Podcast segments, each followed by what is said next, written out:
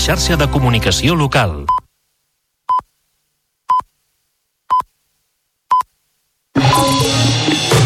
Notícies en xarxa, edició matí. Amb Taís Trujillo. Bon dia. El Parlament aborda a partir d'avui un ple monogràfic per debatre la greu situació de sequera que afecta Catalunya. La crisi climàtica aterra de nou a la cambra després de la sessió celebrada al maig de l'any passat. Ara el context excepcional afecta el sistema Ter Llobregat i ja s'han posat damunt la taula mesures com baixar la pressió del subministrament o l'arribada de vaixells amb aigua si no plou abans de l'estiu. Mentrestant, el govern ha obert la porta a omplir piscines com a refugi climàtic a municipis on el decret de sequera en principi no permet fer-ho. Així encapçalem el Notícies en xarxa d'aquest dimarts, dia 20 de febrer, i al punt de les 7 del matí repassem també altres titulars. Estat i Generalitat acorden que en sis mesos hauran d'estar a punt els estatuts de la nova empresa mixta que operarà Rodalies amb el traspàs del servei. Es constituiran sis grups de treball que es posaran en marxa aquest mateix trimestre. Un estudi identificarà nous trams susceptibles de passar a mans del govern català més enllà dels pactats inicialment. Els pobles sense oficina bancària tindran un caixer mòbil cada 15 dies i amb atenció personalitzada. El servei es començarà a oferir al setembre i vol arribar al 100% de la població del país. Segons dades del Departament d'Economia, en els darrers 15 anys el nombre d'oficines bancàries a Catalunya s'ha reduït un 74%. Els pagesos anuncien més mobilitzacions a Catalunya i talls de carreteres de cara a la setmana que ve. Mentrestant, aquest dimecres hi ha convocada la gran manifestació a Madrid per fer sentir les demandes del sector al govern espanyol. El ministre Luis Planas reclama a les comunitats autònomes que s'impliquin en aspectes de la seva competència, com les inspeccions i les convocatòries d'ajudes europees. En esports derrota del Girona davant l'Atlètic Club per 3 a 2. Els gironins, que van tenir opcions fins al final, van pagar molt cars els errors defensius. Els de Mitchell només han sumat un dels darrers 9 punts disputats i queden a 6 del Real Madrid i 2 per sobre del Barça. I ara la previsió del temps de cara a aquest dimarts. Lluís Miquel Pérez, molt bon dia. Bon dia, un dimarts que torna a presentar-se sense pluja. De fet, aquest matí amb força vent a les comarques del nord de Girona, per tant cap a l'Empordà. Això ha fet pujar la temperatura i a la resta del país un ambient que a hores d'ara és una mica més fresquet que no pas ahir a aquesta hora. Al llarg d'aquest matí amb alguns núvols prims, deixant el sol molt barat i prou, els núvols una mica més gruixuts a l'àrea metropolitana de Barcelona i al llarg d'aquesta tarda continuaran aquests núvols prims a esfilegar-se en el sol sense cap mena de pluja. El vent encara també cap a l'Empordà i la temperatura que no té ganes d'afluixar, per tant tornarà a ser una tarda de plena primavera. N'estarem pendents a la xarxa. Ara fem un cop d'ull a la situació a aquesta hora a l'estat de matí a les carreteres i autopistes del país. Connectem amb el RAC. Àlex Huguet, bon dia. Molt bon dia. Hi ha dues incidències a la xarxa viària. Des d'ahir que només hi ha un carril obert a l'AP7 en sentit sud a Montroig del Camp mentre es neteja la via i no matem complicacions a les rondes avui per una incidència en sentit sud a la B20 a l'altura de Sant Gervasi que provoca ja 9 quilòmetres de congestió ben bé des de Roquetes i el Nus de la Trinitat i es talla un carril a la resta de carreteres. Es va intensificant cada cop més el tram de l'A2 entre Sant Vicenç dels Horts i Cornellà en sentit est, passant per l'enllaç amb la B23 on hi ha més de 3 quilòmetres de cues, així com l'accés a les rondes des de la C58 amb 2 quilòmetres més. A la ronda litoral ja comença a anar força ple el tram habitual en sentit sud des del Nus del Besòs. És tot des del RAC. Bon dia. Notícies en xarxa, edició matí. Avui comença al Parlament un ple per debatre la greu situació de la sequera. La sessió començarà a les 3 de la tarda amb el debat monogràfic sobre el canvi climàtic i sobre les mesures extraordinàries i urgents per afrontar el context excepcional en l'àmbit del districte de la Conca Fluvial de Catalunya sol·licitat per la CUP i en Comú Podem. Serà una nova oportunitat per la cambra catalana d'abordar la problemàtica després que ja es fes a mitjans de l'any passat un ple monogràfic sobre aquesta qüestió. Tot plegat en un un moment en què més de 200 municipis del sistema Ter Llobregat, amb 6 milions d'habitants, són ja en situació d'emergència. Les restriccions conviuen amb una previsió poc optimista de pluges abundants a curt termini i amb la possibilitat de fons d'acabar duent aigua amb vaixells del País Valencià si tot continua igual. El ple acabarà dijous a la tarda amb les votacions de les propostes de resolució que presentin els grups eh, parlamentaris. I abans del ple d'avui, el PSC ja ha reclamat al govern que executi les inversions aprovades a la cambra fa nou mesos. Després de visitar l'estació de tractament d'aigua potable del Besòs, el líder dels socialistes catalans, Salvador Illa, ha explicat que anirà a la sessió amb ganes d'ajudar el govern en la sequera. Però alhora Illa ha renyat l'ACA per no haver executat més ràpidament les inversions acordades pel Parlament al mes de maig de l'any passat. Per què tardem tant a donar compliment a les inversions que va acordar no eh, un partit polític al Parlament de Catalunya, la màxima expressió de la sobirania del poble català. Demano aquí, deixi'm ser més directe, a l'Agència Catalana de l'Aigua que es posi les piles. Que es posi les piles. Que la mateixa diligència que mostra multant alguns ajuntaments la mostri executant les inversions que el Parlament de Catalunya va aprovar. I el conseller d'Acció Climàtica, David Mascort, ha explicat en una entrevista a TV3 que el govern treballa en un cens de refugis climàtics de cara a l'estiu i ha apuntat que aquest cens podria incloure piscines municipals. Això permetria estudiar que es puguin omplir només aquelles piscines que s'acabin considerant com a refugi en municipis que estan en emergència per sequera. Imaginem un barri on no hi hagi cap biblioteca, cap eh, sala de lectura, cap espai on ens puguem anar amb aire condicionat a refugiar climàticament els veïns d'aquella zona. Doncs llavors poder, podríem estudiar que aquella piscina es convertís en un refugi climàtic i es pogués omplir. Però per eh, situació normal, no. Perquè és que eh, ens hem de posar al cap que no hi ha aigua. Per omplir piscines i garantir l'aigua durant la temporada turística, el Lloret de Mar a la Selva aposta per una desalinitzadora mòbil. L'impulsa el Gremi d'Hostaleria que assumirà el milió i mig d'euros que costarà. S'instal·larà en un extrem de la platja i es preveu que estigui en funcionament al maig. Des de l'Ajuntament han explicat que es tracta d'un projecte ambiciós. Ens ho explica la Paula Fernández de Televisió La Selva. El sector turístic de Lloret ha decidit avançar-se per garantir que les piscines d'hotels, càmpings, apartaments i altres allotjaments estiguin plens aquest estiu. Des de l'Ajuntament de Lloret expliquen que es tracta d'un projecte que encara és necessari treballar per garantir un servei eficient. La idea és que sigui de 50 metres cúbics hora, eh, que donaria servei a totes les piscines i hi hauria un remanent que en cas de que el, que el municipi de Lloret de Mar patís algun tipus de restricció d'aigua, es pogués abocar aigua d'aquesta mateixa desalinitzadora als dipòsits que, que tenim a l'entrada del municipi i abastir la pròpia ciutadania d'aquesta desalinitzadora. Però en principi per aquesta temporada sí que es començarà a utilitzar. Des del Gremi d'Hostaleria de Lloret de Mar tenen clar que pagar la desaladora és voluntari, però d'entrada calculen que el 80% dels agremiats hi estarà a favor i esperen arribar al 100%. La intenció del Gremi és que aquest model es pugui estendre arreu de la Costa Brava i que en aquest cas, a part dels privats, qui l'impulsi sigui també la Generalitat. Mentrestant, els pagesos de la Muga reclamen aturar les captacions d'aigua de l'aqüífer Fluvià Muga pel risc de salinització i demanen alternatives amb menys impacte al territori. Desenes d'agricultors s'han concentrat en les darreres hores a Castelló d'Empúries, a l'Alt Empordà, que és un dels punts on el Consorci d'Aigües Costa Brava té previst recuperar pous per garantir l'aigua de boca aquest estiu si no hi ha nous episodis de pluja. Els afectats temen que es repeteixi el que ja va passar fa dècades amb una altra extracció massiva. Fran Vidal és portaveu dels pagesos de la Muga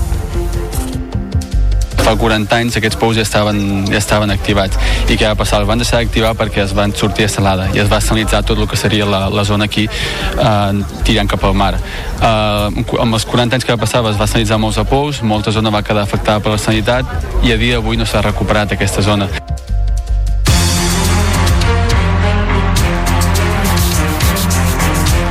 Ara 9 minuts de les 7 del matí. Unió de Pagesos s'ha anunciat que participarà a la protesta d'aquest dimecres a Madrid amb una petita representació de tractors, ja que el gruix de vehicles s'hi desplaçaran des de zones properes a la capital d'Espanya. De cara a la setmana vinent, el sector anuncia més mobilitzacions a Catalunya i talls de carreteres, però encara sense data. Ens ho explica el nostre company David Navarro. Més de 500 pagesos provinents de Catalunya participaran a la mobilització que dimecres es farà a Madrid juntament amb la Unió d'Unions d'Agricultors i Ramaders. Els manifestants reclamen una nova llei de la cadena alimentària per evitar els abusos de les grans distribuïdores menys burocràcia i ajuts a la incorporació dels joves i contra la sequera.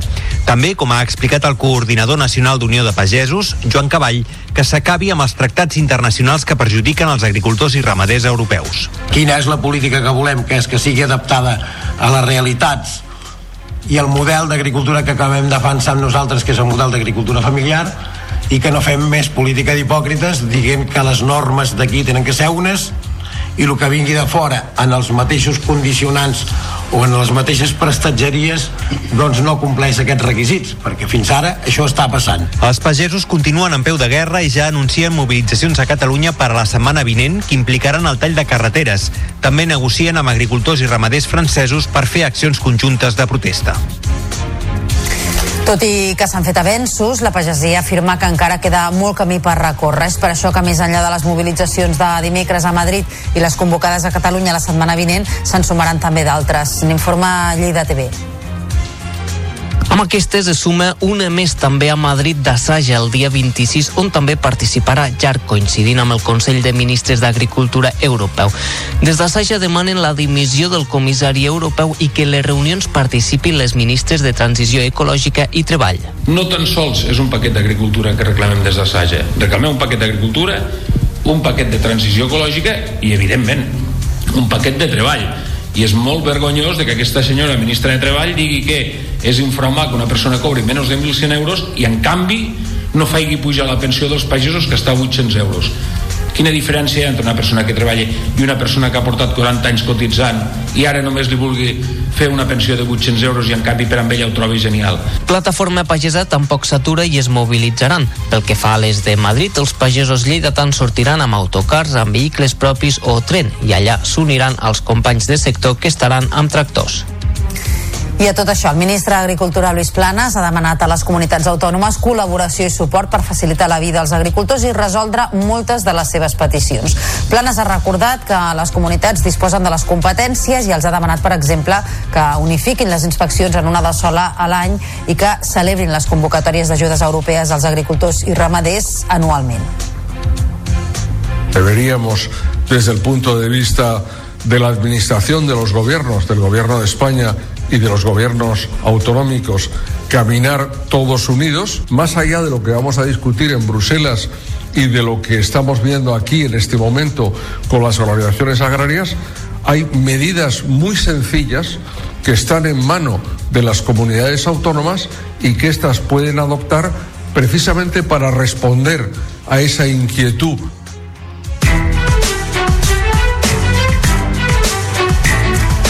Esquerra Republicana de Catalunya demana a Junts i al PSOE que no allarguin més la negociació per la llei d'amnistia i que l'aprovin ja per tal que pugui ser aplicada. Els de Carles Puigdemont responen que les presses no són bones i que l'important és fer un bon text. El PSOE i Junts per Catalunya, recordem, s'han donat 15 dies de pròrroga per esmenar la llei d'amnistia. Escoltem Raquel Sanz, que és portaveu d'Esquerra, i Josep Rius, portaveu de Junts creiem que el més imprescindible de tot plegat és que aquesta llei es pugui aplicar perquè podem anar fent invents però si la llei no és aplicable doncs no, no servirà per res. Per tant també fem la crida a la responsabilitat al PSOE, a Junts per Catalunya a que accelerin aquesta llei i que facin sobretot que aquesta llei sigui aplicable. Home, jo qualificar d'invents diguem-ne la tasca que està, està duent a terme des del PSOE i des de Junts per Catalunya doncs la veritat és que no hi estic gens d'acord sinó que és tot el contrari eh, i per tant em reitero amb el que he dit abans que les presses no són una bona consellera i que el que cal aquí és doncs, eh, continuar negociant amb tota la discreció per tenir un bon text de la llei d'amnistia. I la portaveu del PSOE, Esther Penya, ha desvinculat l'amnistia dels mals resultats que la seva formació ha obtingut a les eleccions gallegues. Segons Penya, els ciutadans han votat en clau territorial i no pensant en l'àmbit de la política espanyola. La portaveu socialista també ha afegit que el transvasament de vot del PSOE ha anat al BNG i que és un partit clarament sobiranista.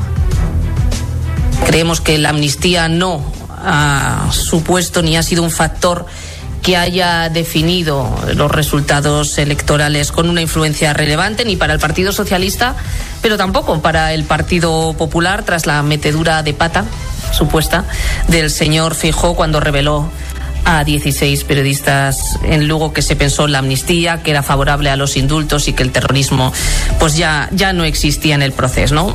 Realmente no, no creemos que la amnistía haya influido en estos territorios, en estos resultados.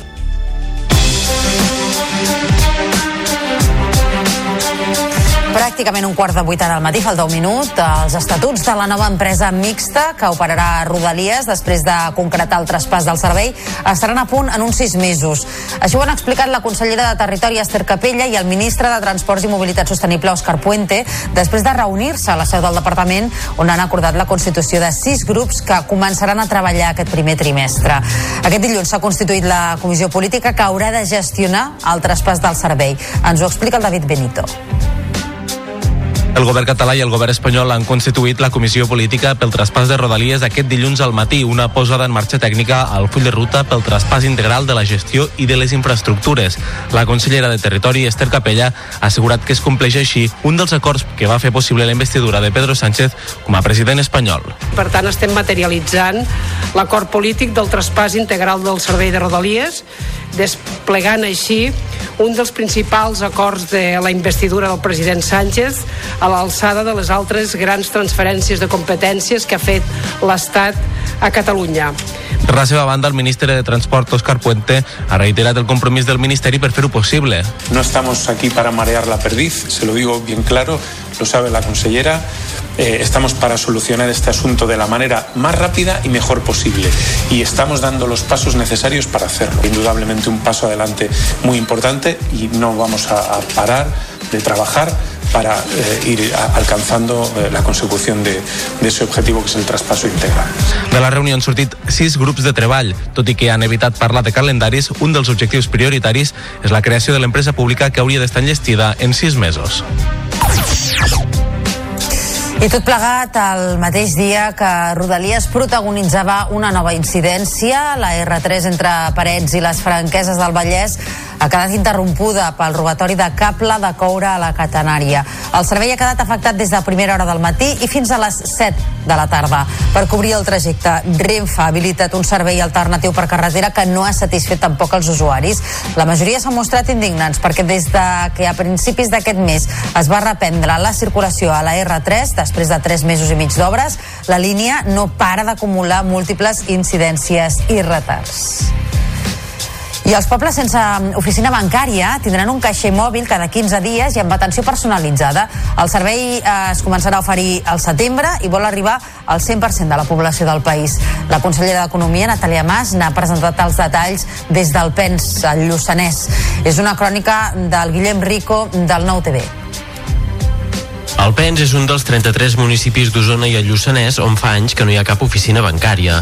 A partir del setembre, però, cada 15 dies s'hi aturarà una oficina mòbil que els oferirà els mateixos serveis que les entitats bancàries de la resta del territori. Assegurar doncs, que aquells veïns i veïnes de cada poble poden tenir accés als mateixos productes, als mateixos serveis que tindri, els que tindrien accés des de quals, qualsevol uh, oficina doncs, física. És un servei que es havia tingut anys enrere, molts pobles havien disposat d'oficina bancària, però fa uns quants anys que no ho tenim. Segons dades del Departament d'Economia, en els darrers 15 anys el nombre d'oficines bancàries a Catalunya s'ha reduït un 74%. S'ha passat de més de 8.000 a unes 2.000. Més de la meitat dels municipis catalans, 503, no disposen d'oficines bancàries. Ara la Generalitat destinarà més de 900.000 euros cada any per reduir la bretxa en l'accés a les finances. L'Hospital de Sant Pau de Barcelona ha estat el primer d'Europa a implantar el marcapassos més petit del món. És una versió millorada del Gini i té dos avantatges. No té cables i dura més de 15 anys, uns 5 anys més que ara. Això permetrà que 8 de cada 10 pacients no requereixin cap canvi de marcapassos en tota la seva vida i a més eliminarà moltes complicacions. El dispositiu és la forma més habitual de tractar determinats problemes cardíacs, evitant enviant impulsos elèctrics al cor. El director del Servei de Cardiologia de l'Hospital de Sant Pau, Xavier Vinyoles, prediu que els marcapassos petits sense cable acabaran substituint tots els marcapassos convencionals. Comencem a tenir aquests marcapassos que amb una sola peça posada a dins el cor són capaços no només de detectar l'activitat elèctrica del seu entorn, sinó també de detectar l'aurícula i amb aquesta segona generació, si es fa de forma eficient, a, a, aconsegueixen detectar i accelerar en el malalt i seguir la seva freqüència cardíaca fins a 130 per minut i això fa que, a més de durar més, puguem implantar-los a moltíssima més gent.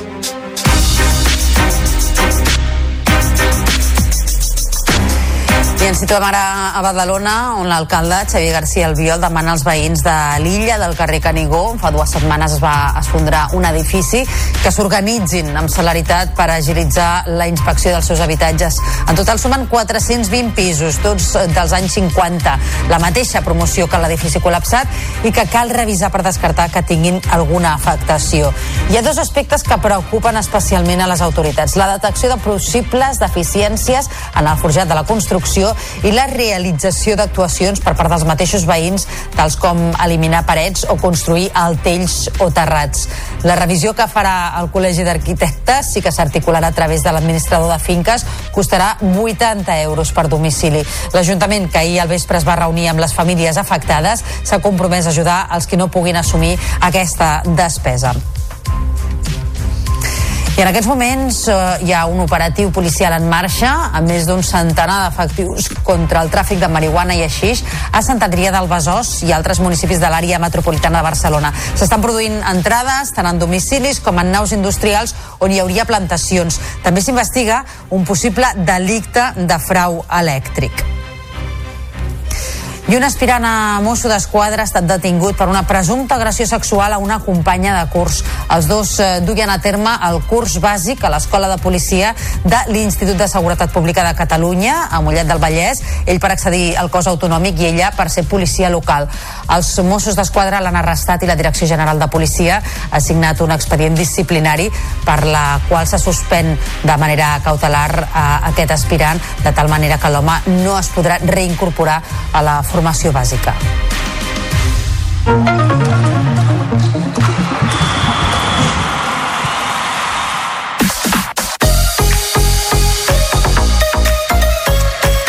Nova ensopegada del Girona que va caure per 3 a 2 a Sant Mamés en un partit en què va tenir opcions fins al final però va pagar molt cars els errors defensius. L'Atlètic Club es va avançar en el minut 2 Tsigankov va empatar a l'inici de la segona part però els bascos van obrir forat amb dues dianes més. Eric Garcia va retornar l'esperança als blanc i vermells amb el 3 a 2 però el marcador ja no es va moure. Els de Mitchell només han sumat un dels darrers 9 punts disputats i queden a 6 del Real Madrid i 2 per sobre del Barça. El tècnic manté les places de Champions com a objectiu del curs. Me va a venir arriba. Eh, creo que vamos a luchar por entrar en Champions. Esa es mi percepción. Igual luego me, me caen golpes encima. Pero tengo la sensación de que este equipo va a pelear por la Champions. Si hubiéramos ganado, creo que era un objetivo muy, muy claro pero ahora que hemos perdido creo que es un objetivo muy claro también. Tengo la sensación de que este equipo puede pelear por la Champions. El Barça viatja avui cap a Nàpols, on demà disputarà l'anada dels vuitens de final de la Lliga de Campions. Davant tindrà un conjunt italià que fa unes hores s'ha quedat sense entrenador per la destitució de Walter Mazzari. El nou tècnic és Francesco Calzona, que avui agafarà les regnes de l'equip. Pel que fa al Barça, la principal novetat a la convocatòria pot ser Joao Fèlix, que ha tornat a entrenar amb el grup després de tres setmanes de baixa. Els Blaugrana faran aquesta tarda un entrenament a l'estadi Diego Armando Maradona. I Alexia Putelles ja s'ha incorporat a la concentració amb la selecció espanyola per a la disputa de la fase final de la Nations League. La migcampista blaugrana, convocada tot i no tenir l'alta mèdica, no va entrenar, però amb la resta del grup.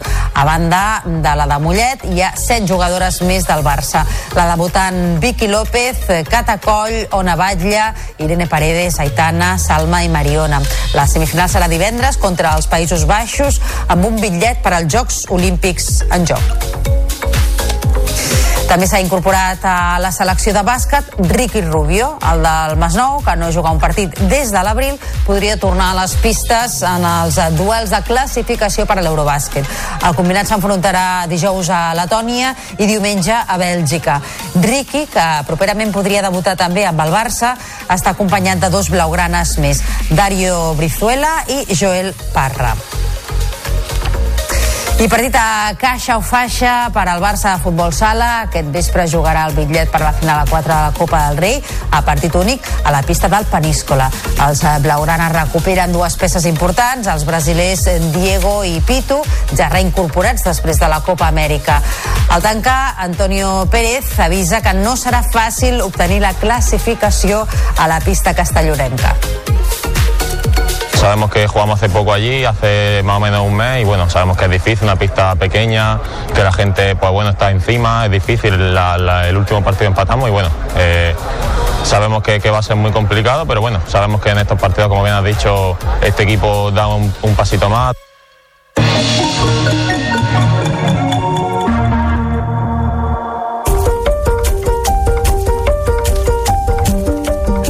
L'òpera a Catalunya estrena una nova producció a la faràndula de Sabadell, Manon Lescaut, el primer gran èxit de Puccini. Enguany es commemora el centenari de la seva mort i aquest és l'homenatge particular de la Fundació. No hi falten els músics de l'Orquestra Simfònica del Vallès i el cor Amics de l'Òpera de Sabadell. La Sílvia Fernández, de la televisió de Sabadell, ha pogut veure en els assajos. Menol Lescó de Puccini arriba a Sabadell. El Teatre de la Faràndula acull una obra que s'estrena aquest dimecres a les 8 del vespre i és la tercera producció de la temporada 2023-2024 d'Òpera a Catalunya amb la direcció artística de Mirna La Cambra. Ambientada a la França del segle XVIII, la història és un reflex de la hipocresia d'una societat corrompuda i també un cant a l'amor impossible que amaga moments de gran bellesa i dramatisme. Es una ópera que llega al corazón, o sea, una ópera que te va a, a, tocar la emoción, que te va a hacer viajar durante, durante las tres horas que dura eh, a través de un montón de emociones, de sentimientos. A banda de l'estrena, a Sabadell també es representarà el divendres 23 de febrer a les 8 del vespre i el diumenge 25 a les 6, per marxar posteriorment de gira per Catalunya. Es faran 10 funcions entre 8 ciutats diferents, entre elles Sant Cugat del Vallès, Granollers, Tarragona, Girona i Lleida. La Generalitat lliura els 5 Premis Nacionals d'Artesania i els 12 diplomes de mestre artesà que volen reconèixer la trajectòria professional dels diferents representants del sector artesà a Catalunya i el seu mestratge. Entre ells, la dissenyadora Sílvia Conde, amb el Premi Talent Jove, el torner Jordi Pladevall, amb el Premi Empren, i el restaurador Aleix Álvarez. La mestra artesana paperera Victòria Raval, directora del Museu Molí Paperer de Capellades, ha recollit el Premi Nacional Nacional d'Artesania 2023. Jo crec que no està renyit, com deia, amb les noves tecnologies, al en contrari, sinó ni amb el disseny, i jo crec que tot això d'anar junt una persona jove pot trobar l'artesania en el plaer de fer allò únic, especial, amb una part important manual, pot trobar un plaer i una via, un nitxo de, de sortida dels seus productes i una forma de vida.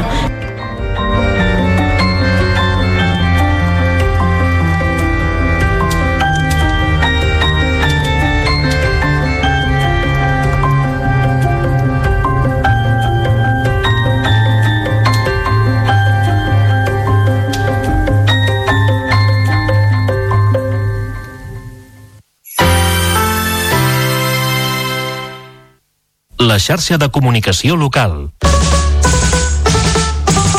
Propostes en xarxa. Disciplines noves com malabars amb gerros gegants, acrobàcia en màstils oscil·lants, manipulació de tridents i dos objectius. Anotar la primera participació en un festival circense de trapezis volants triples amb 14 artistes a l'aire i aconseguir el grup més gran de malabaristes amb barrets. Tot això és només una part del que trobareu al Festival Internacional del Circ Elefant d'Or a Girona.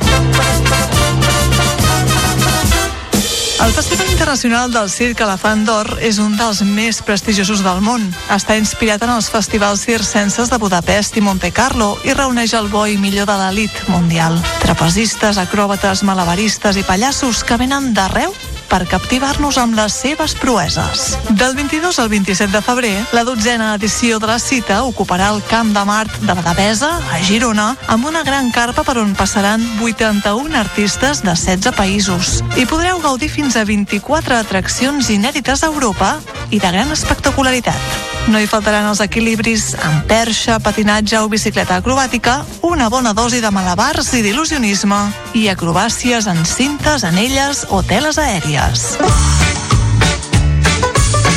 Del 22 al 27 de febrer, onzena edició del Festival Internacional del Circ Elefant d'Or a Girona. Podeu consultar-ne totes les propostes a www.festivaldelcirc.com.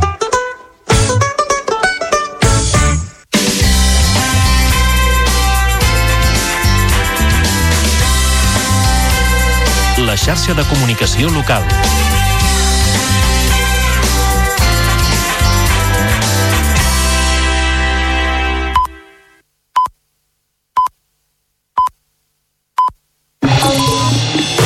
Notícies en xarxa, edició matí. Amb Taís Trujillo. Bon dia, són dos quarts de vuit del matí i avui encapçalem el Notícies en xarxa amb el ple monogràfic sobre la sequera que se celebra aquest dimarts al Parlament de Catalunya. La crisi climàtica aterra de nou a la cambra després de la sessió celebrada al maig de l'any passat. Ara el context excepcional afecta el sistema Ter Llobregat i ja s'han posat damunt la taula mesures com baixar la pressió del subministrament o l'arribada de vaixells amb aigua si no plou abans de l'estiu. Mentrestant, el govern ha obert la porta a omplir piscines com a refugi climàtic a municipis on el decret de sequera en principi no permet fer-ho. De seguida us ho ampliem, abans però repassem també altres titulars d'aquest dimarts 20 de febrer. Estat i Generalitat acorden que en sis mesos s'hauran d'estar a punt els estatuts de la nova empresa mixta que operarà Rodalies amb el, amb el traspàs del servei. Es constituiran sis grups de treball que es posaran en marxa aquest mateix trimestre. Un estudi identificarà nous trams susceptibles de passar a mans del govern català més enllà dels pactats inicialment. Els pobles sense oficina bancària tindran un caixer mòbil cada 15 dies i amb atenció personalitzada.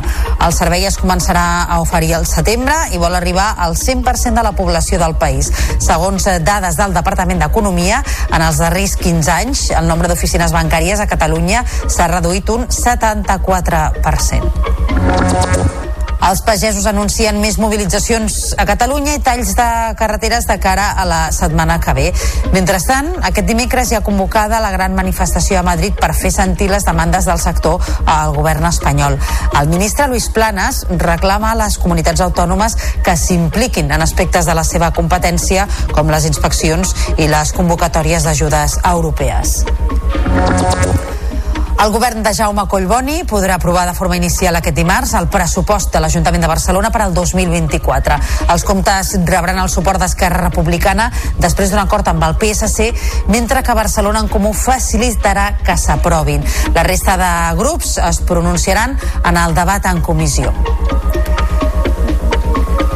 En esports, derrota del Girona davant l'Atlètic Club per 3 a 2. Els gironins eh, que van tenir opcions fins al final van pagar molt cars els errors defensius. Els de Mitchell només han sumat un dels darrers 9 punts disputats i queden a 6 del Real Madrid i dos per sobre del Barça. I repassats els titulars, ara obrim plana de serveis. Comencem amb el trànsit. Segons el RAC, hi ha retencions més llargues. Avui, al Baix Llobregat, a l'A2, 7 quilòmetres des de Sant Andreu de la Barca, 5 més a la B20 entre el Papiol i Sant Feliu de Llobregat, tot cap a Barcelona, i a la C58 trams de més de 3 quilòmetres en els dos sentits des de Montcada i Reixac. La Ronda de Dalt va molt congestionada entre Santa Coloma de Gramenet i la Vall d'Hebron i la litoral registra també molta lentitud entre el Bon Pastor passant pel Nus del Besòs fins passat al Poble Nou en sentit sud. I ara tanquem portada amb la previsió del temps. El cel estarà enteranyinat i les temperatures no s'enfilaran tant com ahir, però seran altes per l'època. El vent bufarà amb força a la Costa Brava i hi ha un avís del Servei Meteorològic per aquella zona per l'estat de la mar. Notícies en xarxa, edició matí. Avui comença al Parlament un ple per debatre la greu situació de la sequera.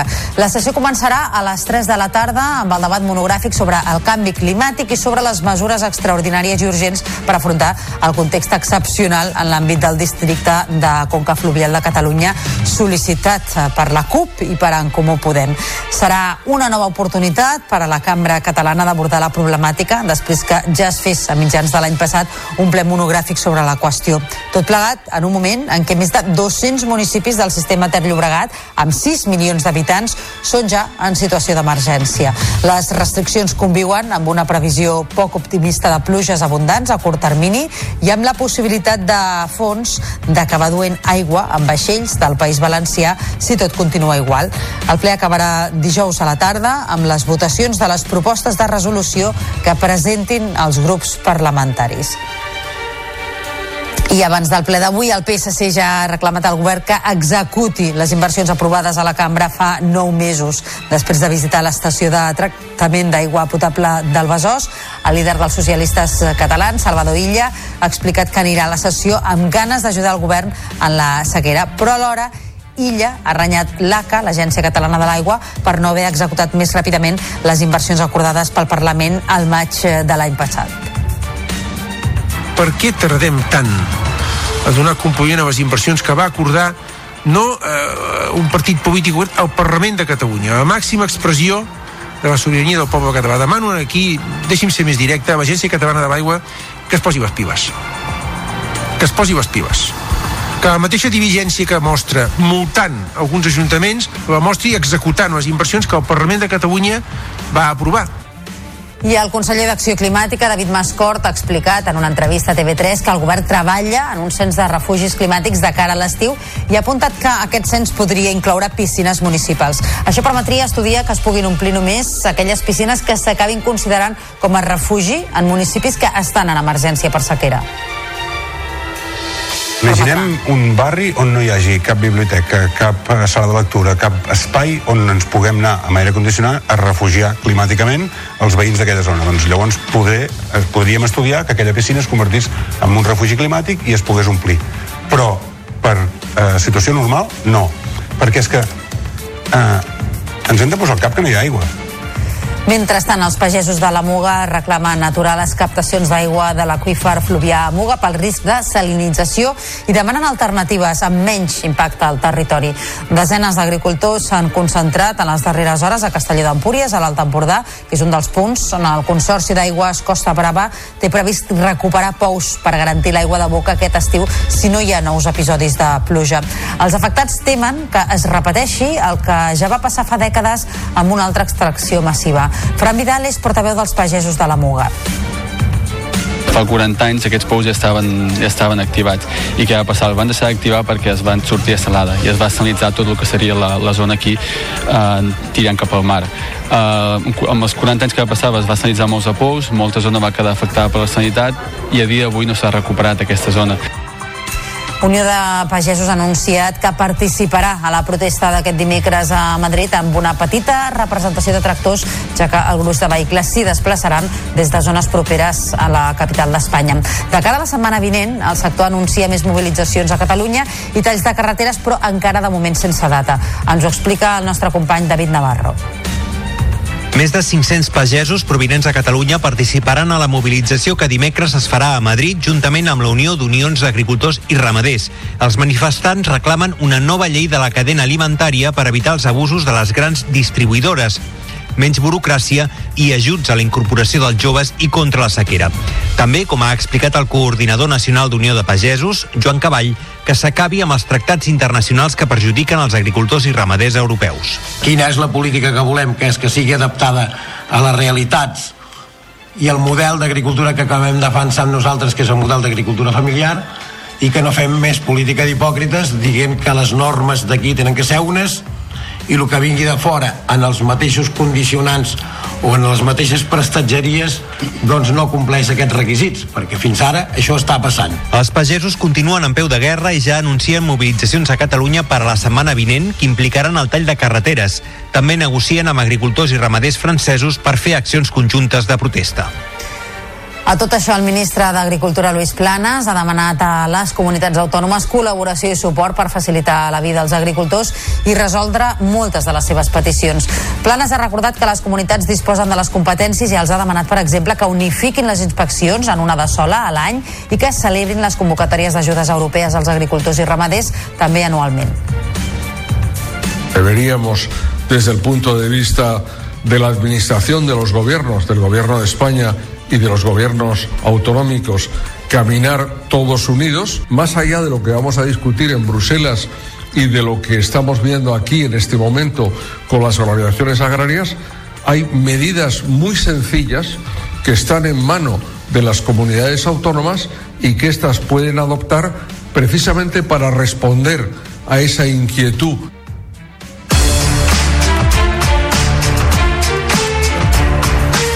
Passen ara 9 minuts de dos quarts de 8 del, de 8 del matí, sí. Esquerra Republicana demana a Junts per Catalunya i el PSOE que no allarguin més la negociació per la llei d'amnistia i que l'aprovin ja per tal que pugui ser aplicada. Els de Carles Puigdemont responen que les presses no són bones i que l'important és fer un bon text. El PSOE i Junts per Catalunya, recordem, s'han donat 15 dies de pròrroga per esmenar la llei d'amnistia. Escoltem Raquel Sanz, portaveu d'Esquerra Republicana, i Josep Rius, portaveu de Junts. Creiem que el més imprescindible de tot plegat és que aquesta llei es pugui aplicar perquè podem anar fent invents, però si la llei no és aplicable, doncs no, no servirà per res. Per tant, també fem la crida a la responsabilitat al PSOE, a Junts per Catalunya, a que accelerin aquesta llei i que facin sobretot que aquesta llei sigui aplicable. Home, jo qualificar d'invents, diguem-ne, a la tasca que està, està duent a terme des del PSOE i des de Junts per Catalunya, doncs la veritat és que no hi estic gens d'acord, sinó que és tot el contrari eh, i per tant em reitero amb el que he dit abans que les presses no són una bona consellera i que el que cal aquí és doncs, eh, continuar negociant amb tota la discreció per tenir un bon text de la llei d'amnistia. I la portaveu del PSOE, Esther Penya, ha desvinculat l'amnistia dels mals resultats que la seva formació ha obtingut a les eleccions gallegues. Segons Penya, els ciutadans han votat en clau territorial i no pensant en l'àmbit de la política espanyola. La portaveu socialista també ha afegit que el transvasament de vot del PSOE ha anat al BNG, un partit que és clarament sobiranista. Creemos que la amnistía no ha supuesto ni ha sido un factor que haya definido los resultados electorales con una influencia relevante ni para el Partido Socialista, pero tampoco para el Partido Popular tras la metedura de pata supuesta del señor Fijó cuando reveló a 16 periodistas en Lugo que se pensó en la amnistía, que era favorable a los indultos y que el terrorismo pues ya, ya no existía en el proceso. ¿no? Realmente no, no creemos que la amnistía haya influido en estos territorios, en estos resultados, Esquerra Republicana dirà sí al pressupost per al 2024 de l'Ajuntament de Barcelona. Els republicans van signar ahir un acord pressupostari amb el govern de Jaume Collboni que assegura el suport d'Esquerra al primer tràmit dels comptes en la Comissió d'Economia Extraordinària d'avui. L'entesa suposa un pas més en les bones relacions PSC-Esquerra Republicana que al gener van intensificar les converses per a un pacte de govern. Ens ho expliquen des de BTV. El portaveu dels republicans i el tinent d'alcaldia d'Economia han signat un acord que assegura el sí d'Esquerra al pressupost que es votarà avui de forma inicial. Els socialistes han acceptat un paquet de mesures que, segons Esquerra, tenen un impacte de 100 milions d'euros. Hem arribat a un bon acord, hem aconseguit, en aquest sentit, moure el Partit Socialista d'una acció de govern conservadora, d'una acció de govern eh, de molta endreça però de poca acció de futur. En un missatge a les xarxes socials, l'alcalde Jaume Collboni ha celebrat l'acord amb Esquerra perquè diu que posa les persones al capdavant i ha demanat a la resta de grups que siguin igual de responsables per aprovar els comptes. Entre les mesures pactades hi ha la creació d'una oficina per impulsar l'ús social del català i també la teocultura, una targeta per facilitar l'accés a l'oferta cultural pública, especialment en català. En clau urbanística, el PSC i Esquerra han acordat augmentar la inversió per construir 1.000 pisos públics aquest any, pacificar més carrers i fer carrils bici, i també un pla de barris específic per a les zones de muntanya. En polítiques socials, el pacte inclou recuperar les ajudes d'urgència per a famílies amb infants de 0 a 16 anys. En la mateixa línia, Barcelona en Comú facilitarà que el pressupost municipal del 2024 passi avui al primer tràmit. La portaveu dels comuns, Janet Sanz, ha advertit que el seu vot serà l'última oportunitat que dona l'alcalde Jaume Collboni per configurar un pacte de govern d'esquerres. Si això no passa, ha dit, votaran en contra en l'aprovació definitiva dels comptes prevista per al mes de març si en 30 dies no hi ha aquest pacte, no hi ha aquest acord de govern d'esquerres, doncs evidentment eh, el que proposarem a l'organització és que votarem que no als pressupostos i que per tant doncs, eh, és la última, és l'ultimàtum, és la última oportunitat que li donem al govern municipal per tancar aquest pacte d'esquerres de, que necessita la ciutat de Barcelona i que permeti tenir uns pressupostos també d'esquerres progressistes on ja s'ha arribat a un acord de govern és a Sant Sadurní de Noia, l'Alt Penedès, on Esquerra, PSC i Sant Sadurní en Comú van fer ahir oficial el pacte. La nova majoria, formada per 11 regidors, garanteix l'estabilitat política al municipi fins al final de la present legislatura, el 2027. Ens ho explica el Josep Maria Soler, de Penedès Televisió. D'aquesta manera, els quatre regidors socialistes se sumen als sis d'Esquerra i la regidora dels Comuns, aconseguint una àmplia majoria d'11 regidors. Els tres han explicat els motius i el llarg treball que els han permès arribar ara a aquest acord, que qualificaven de positiu per Sant Sadurní. El que sí que tenim molt clar és que eh, tots tres partits tenim una clara vocació perquè Sant Sadurní avanci i, i això ha sigut el motor, ha sigut el combustible que ens ha fet doncs, que avui estiguem aquí eh, contents. Un acord que ens ha de portar fins al 2027. Ara s'assegura una estabilitat per poder tirar endavant els projectes que s'han pactat. Properament es donarà a conèixer com queda el nou cartipàs municipal i com es reparteixen les responsabilitats de govern. Entre les prioritats han apuntat millorar els equipaments que han qualificat com una assignatura pendent de fa anys a Sant Sadurní.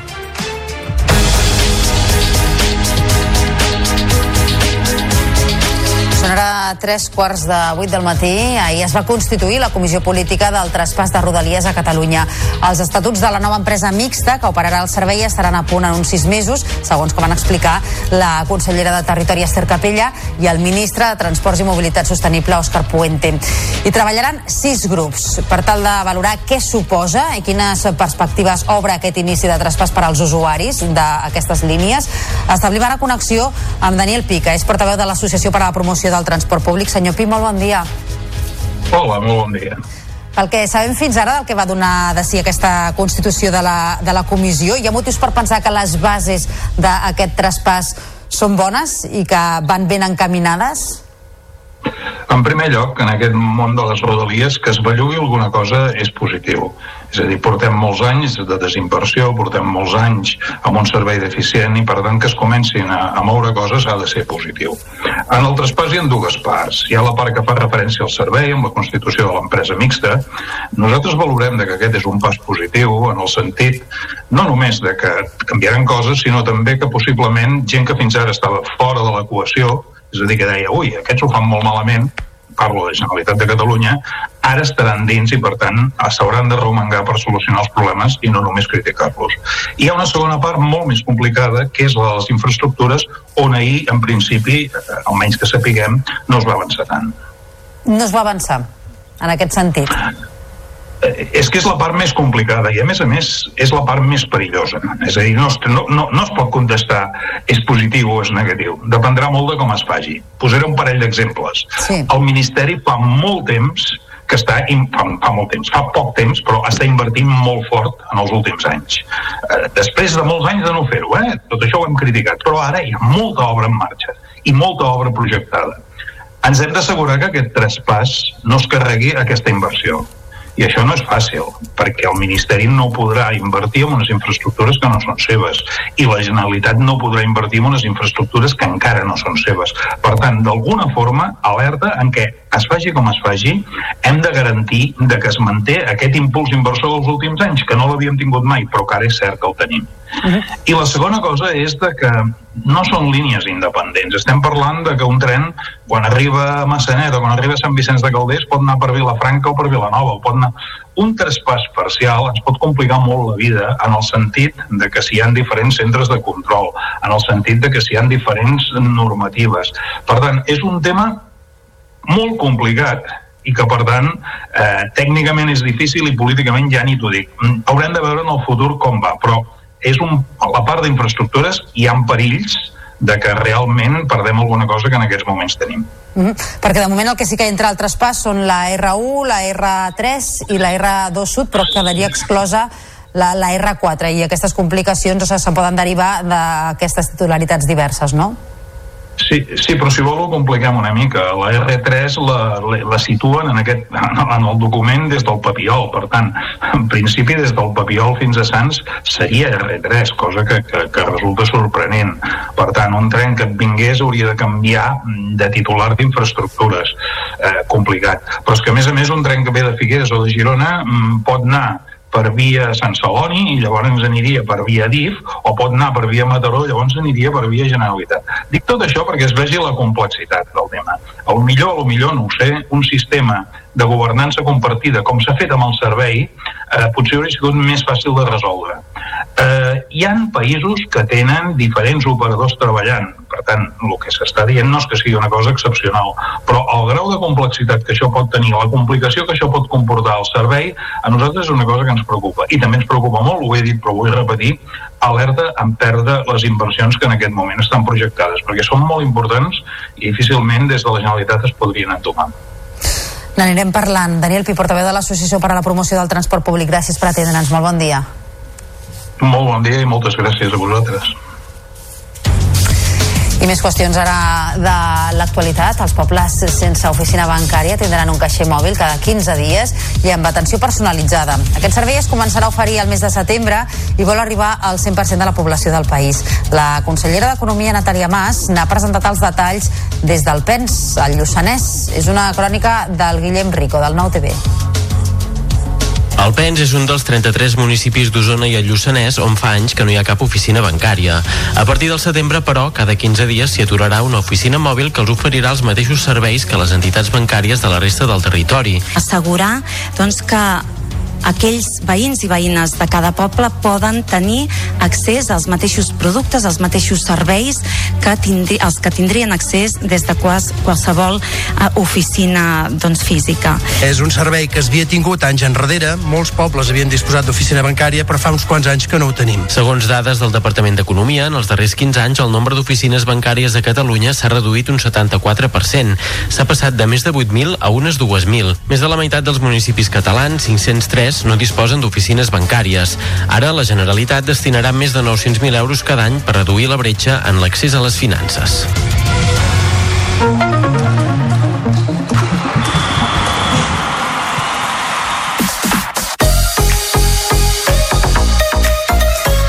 Nova ensopegada del Girona, que va caure per 3 a 2 a Sant Mamés en un partit en què va tenir opcions fins al final, però va pagar molt cars els errors defensius. La derrota deixa els de Mitchell amb només un punt sumat dels darrers 9 a 6 del Real Madrid i dos per sobre del Barça. El tècnic manté les places de Champions com a objectiu del curs. Me va venir arriba. Eh, creo que vamos a luchar por entrar en Champions. Esa es mi percepción. Igual luego me, me caen golpes encima. Pero tengo la sensación de que este equipo va a pelear por la Champions. Si hubiéramos ganado, creo que era un objetivo muy, muy claro. Pero ahora que hemos perdido, creo que es un objetivo muy claro también. Tengo la sensación de que este equipo puede pelear por la Champions. El Barça viatja avui cap a Nàpols, on demà disputarà l'anada dels vuitens de final de la Lliga Campions. Davant tindrà un conjunt italià que fa unes hores s'ha quedat sense entrenador per la destitució de Walter Mazzari. El nou tècnic és Francesco Calzona, que avui agafarà les regnes de l'equip. Pel que fa al Barça, la principal novetat a la convocatòria pot ser Joao Fèlix, que ha tornat a entrenar amb el grup després de tres setmanes de baixa. I Alexia Putellas ja s'ha incorporat a la concentració amb la selecció espanyola per a la disputa de la fase final de la Nations League. La migcampista blaugrana, convocada tot i no tenir l'alta mèdica, no va entrenar, però, amb la resta del grup. A banda de la de Mollet, hi ha set jugadores més del Barça, la debutant Vicky López, Catacoll, Ona Batlla, Irene Paredes, Aitana, Salma i Mariona. La semifinal serà divendres contra els Països Baixos, amb un bitllet per als Jocs Olímpics en joc. I partit a caixa o faixa per al Barça de futbol sala. Aquest vespre jugarà el bitllet per a la final a 4 de la Copa del Rei, a partit únic a la pista del Peníscola. Els blaugrana recuperen dues peces importants, els brasilers Diego i Pitu, ja reincorporats després de la Copa Amèrica. El tanca Antonio Pérez avisa que no serà fàcil obtenir la classificació a la pista castellonenca.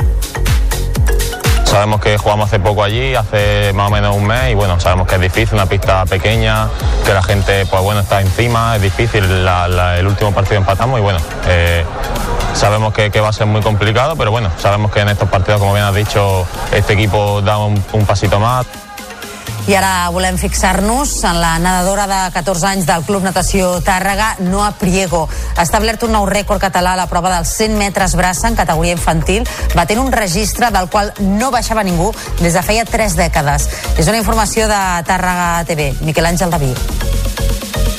Amb aquests darrers metres, la nedadora Noa Priego va tornar a entrar a la història de la natació catalana infantil. La targarina va aturar el cronòmetre al minut i 13 segons de la prova dels 100 metres braça i va establir un nou rècord català d'aquesta prova en la categoria infantil de 14 anys. Una marca que no es millorava des del 1994, un registre totalment inesperat tant per la nedadora com per la seva entrenadora del Club Natació Tàrrega. A la història del club mai cap nedador havia aconseguit això i sí que ja la teníem en ment, sobretot la de 13 anys que va batir al, al desembre, ja la teníem una miqueta en ment, però aquesta com que feia només un mes que ja havia rebaixat moltíssim la seva marca va venir una mica de sorpresa.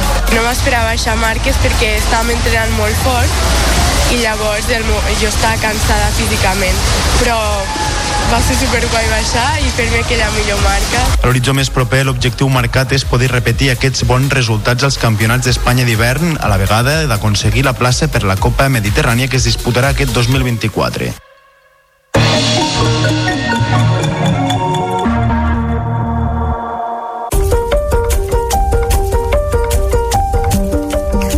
L'Òpera Catalunya estrena una nova producció a la faràndula de Sabadell, Manon Lecot, el primer gran èxit de Puccini.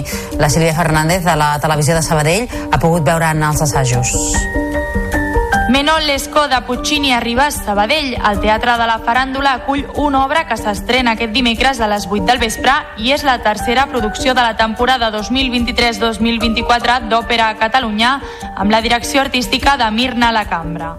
Ambientada a la França del segle XVIII, la història és un reflex de la hipocresia d'una societat corrompuda i també un cant a l'amor impossible que amaga moments de gran bellesa i dramatisme. Es una ópera que llega al corazón, o sea, una ópera que te va a, a tocar la emoción, que te va a hacer viajar durante, durante las tres horas que dura eh, a través de un montón de emociones, de sentimientos. A banda de l'estrena, a Sabadell també es representarà el divendres 23 de febrer a les 8 del vespre i el diumenge 25 a les 6, per marxar posteriorment de gira per Catalunya. Es faran 10 funcions entre 8 ciutats diferents, entre elles Sant Cugat del Vallès, Granollers, Tarragona, Girona i Lleida. I nou anys després del tancament, la discoteca Big Ben de Golmés, al Pla d'Urgell, reobrirà les portes el dissabte 5 d'octubre amb una renovació total però sense perdre l'essència. Les entrades per les quatre primeres sessions es posaran a la venda aquest divendres. Ens ho expliquen des de Mollerussa TV. Darrers mesos s'està treballant en la reforma de les sales interiors, que amb la modernització de la il·luminació i so suposarà una millora del 30% en eficiència energètica, a més de la recuperació dels elements emblema de la discoteca de Golmés. Després de 40 anys trobarà la làmpara en funcionament, eh, les pantalles corregudes, sortiran totes les televisions que hi ha ara que estan obsoletes, eh, millorarà tota la tecnologia LED, que al final és una tecnologia que havia estat obsoleta, la que teníem fins ara de llum, i després serà un espectacle, tot l'interior, eh, els DJs seran residents, podran tornar a reviure el que havien viscut en un passat i podran viure Big Ben amb la seva essència. Les entrades per a la reobertura es posaran a la venda aquest divendres a les 8 del vespre amb un pack no nominal per a les quatre primeres sessions, 5 d'octubre, 9 de novembre, 5 i 7 de desembre, amb un preu total de 156 euros, 39 per sessió. Pel que fa a la resta de serveis, es manté la previsió d'obertura de les carpes al maig, mentre que la cafeteria i el restaurant es podrien redherir fins a la reobertura de la discoteca.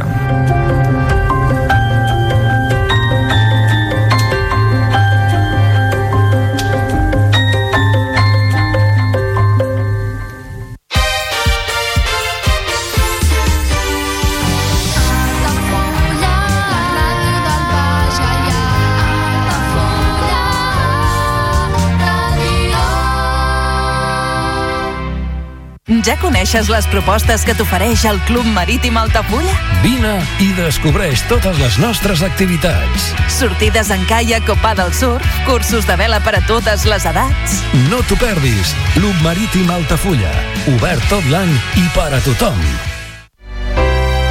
Comunions 2024. Dates ja disponibles amb sales privades, jardí, pàrquing privat i la millor gastronomia. Més informació i reserves al 977 65 11 55 i a comercial arroba altafullamarotel.com o al web altafullamarotel.com. Les teves celebracions familiars a l'Altafulla Mar Hotel.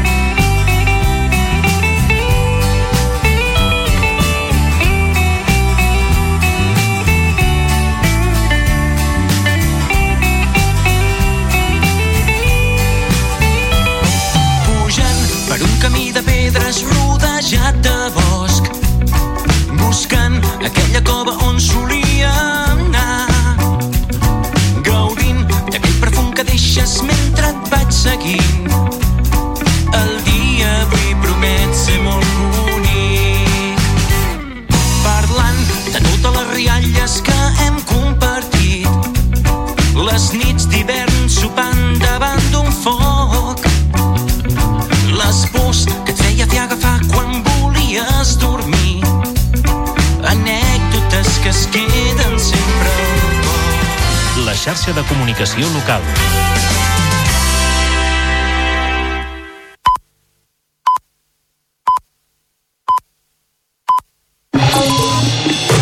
Notícies en xarxa, edició matí. Amb Taís Trujillo. Bon dia. El Parlament aborda a partir d'avui un ple monogràfic per debatre la greu situació de sequera que afecta Catalunya. La crisi climàtica aterra de nou a la cambra després de la sessió celebrada al maig de l'any passat. Ara el context excepcional afecta el sistema Ter-Llobregat i ja s'han posat damunt la taula mesures com baixar la pressió del subministrament o l'arribada de vaixells amb aigua si no plou abans de l'estiu. Mentrestant, el govern ha obert la porta a omplir piscines com a refugi climàtic a municipis on el decret de sequera en principi no permet fer-ho. Així encapçalem el Notícies en xarxa d'aquest dimarts 20 de febrer i al punt de les 8 del matí repassem també altres titulars. Estat i Generalitat acorden que en sis mesos hauran d'estar a punt els estatuts de la nova empresa mixta que operarà Rodalies amb el traspàs del servei. Es constituiran sis grups de treball que es posaran en marxa aquest mateix trimestre.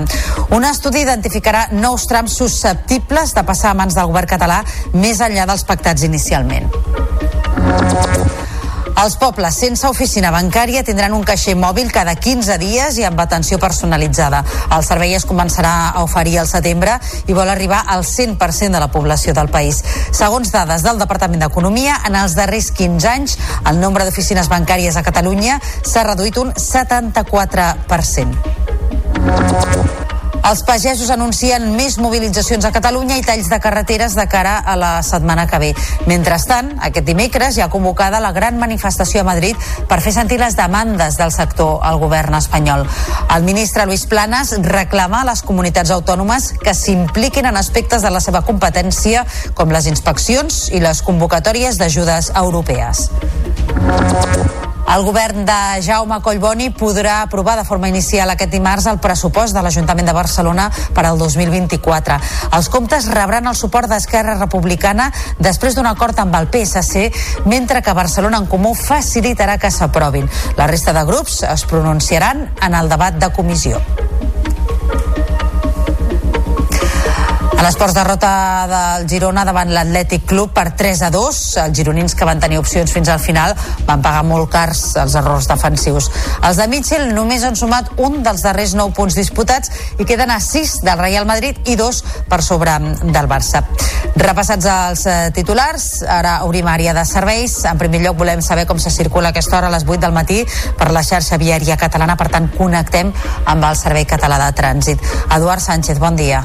Hola, molt bon dia. Doncs a aquesta hora tenim ja nombroses cues, especialment a les dues rondes de Barcelona en sentit Llobregat, la ronda de dalt molt plena des del Nus fins a pràcticament Diagonal en aquesta direcció, quasi ja tocant a Cornellà, on hi ha hagut un accident aquest matí, sentit Llobregat, com dèiem, la ronda litoral des de Gran Via fins al Boll de la Fusta. Pel que fa a la xarxa viària, destacarem la C58, molt plena tot el tram de Sant Quirze, en sentit Barcelona, a Ripollet en sentit Terrassa i de Montcada al Nus també en sentit Barcelona.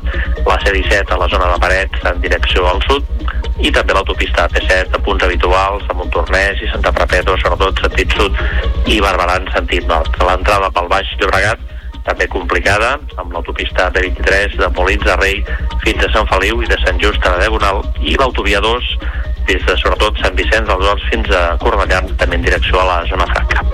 És tot, bon dia. I ara tanquem portada amb la previsió del temps de cara a aquest dimarts. Lluís Miquel Pérez, bon dia, com ho tenim? Bon dia, Taís. Doncs un temps molt semblant calcat, de fet, el d'ahir. A hores d'ara, doncs, amb una miqueta més de fresca que no pas ahir a aquesta hora, però en canvi ha pujat la temperatura cap a l'Empordà, on hi està bufant el vent de tramuntana, que es coneix com tramuntana cremadora, que fa pujar eh, d'una forma circumstancial la temperatura. Amb molts núvols prims, va sortint el sol i es veu una mica vermellós en alguns casos, però no és preludi de canvi de situació. Per tant, el matí més aviat tranquil i ja diem més fresquet que ahir. La tarda, molt emblanquinada, els núvols prims seran els dominants, però completament inactius i esquifits. Continuarà bufant la tramuntana cap a l'Empordà i la temperatura que una altra vegada serà de mànigues de camisa perquè moltes poblacions tornaran a voltar els 20 graus de màxima aquesta tarda. N'estarem pendents a la xarxa. Notícies en xarxa, edició matí. Avui comença al Parlament un ple per debatre la greu situació de la sequera.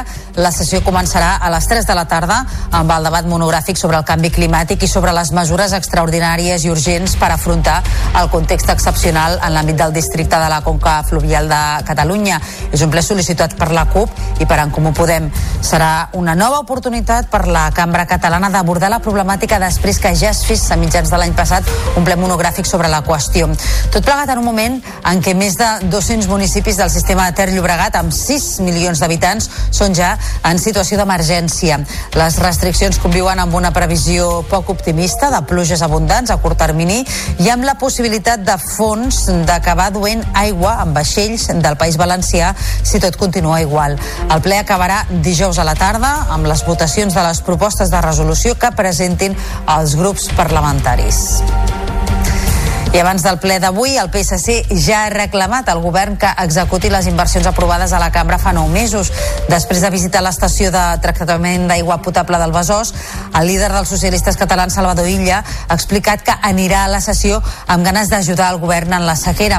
Però alhora, Illa ha renyat a l'ACA, l'Agència Catalana de l'Aigua, per no haver executat més ràpidament les inversions acordades pel Parlament al maig de l'any passat per què tardem tant a donar compliment a les inversions que va acordar no eh, un partit polític obert al Parlament de Catalunya, la màxima expressió de la sobirania del poble català. Demano aquí, deixi'm ser més directe, a l'Agència Catalana de l'Aigua que es posi les piles. Que es posi les piles. Que la mateixa diligència que mostra multant alguns ajuntaments la mostri executant les inversions que el Parlament de Catalunya va aprovar i el conseller d'Acció Climàtica, David Mascort, ha explicat en una entrevista a TV3 que el govern treballa en un cens de refugis climàtics de cara a l'estiu i ha apuntat que aquest cens podria incloure piscines municipals. Això permetria estudiar que es puguin omplir només piscines les que s'acabin considerant com a refugi i a municipis que estan en emergència per sequera. Imaginem un barri on no hi hagi cap biblioteca, cap eh, sala de lectura, cap espai on ens puguem anar amb aire condicionat a refugiar climàticament els veïns d'aquella zona. Doncs llavors poder, podríem estudiar que aquella piscina es convertís en un refugi climàtic i es pogués omplir. Però per eh, situació normal, no. Perquè és que eh, ens hem de posar al cap que no hi ha aigua. Per omplir piscines i garantir l'aigua durant la temporada turística, el Lloret de Mar a la Selva aposta per una desalinitzadora mòbil. L'impulsa el Gremi d'Hostaleria, que assumirà el milió i mig d'euros que costarà. S'instal·larà en un extrem de la platja i es preveu que estigui en funcionament al maig. Des de l'Ajuntament han explicat que es tracta d'un projecte ambiciós. Ens ho explica la Paula Fernández de la televisió La Selva El sector turístic de Lloret ha decidit avançar-se per garantir que les piscines d'hotels, càmpings, apartaments i altres allotjaments estiguin plens aquest estiu. Des de l'Ajuntament de Lloret expliquen que es tracta d'un projecte que encara és necessari treballar per garantir un servei eficient. La idea és que sigui de 50 metres cúbics hora, eh, que donaria servei a totes les piscines i hi hauria un remanent que en cas de que, el, que el municipi de Lloret de Mar patís algun tipus de restricció d'aigua es pogués abocar aigua d'aquesta mateixa desalinitzadora als dipòsits que, que tenim a l'entrada del municipi i abastir la pròpia ciutadania d'aquesta desalinitzadora però en principi per aquesta temporada sí que es començarà a utilitzar Des del Gremi d'Hostaleria de Lloret de Mar tenen clar que pagar la desaladora és voluntari però d'entrada calculen que el 80% dels agremiats hi estarà a favor i esperen arribar al 100%. La intenció del Gremi és que aquest model es pugui estendre arreu de la Costa Brava i que en aquest cas, a part dels privats, qui l'impulsi sigui també la Generalitat.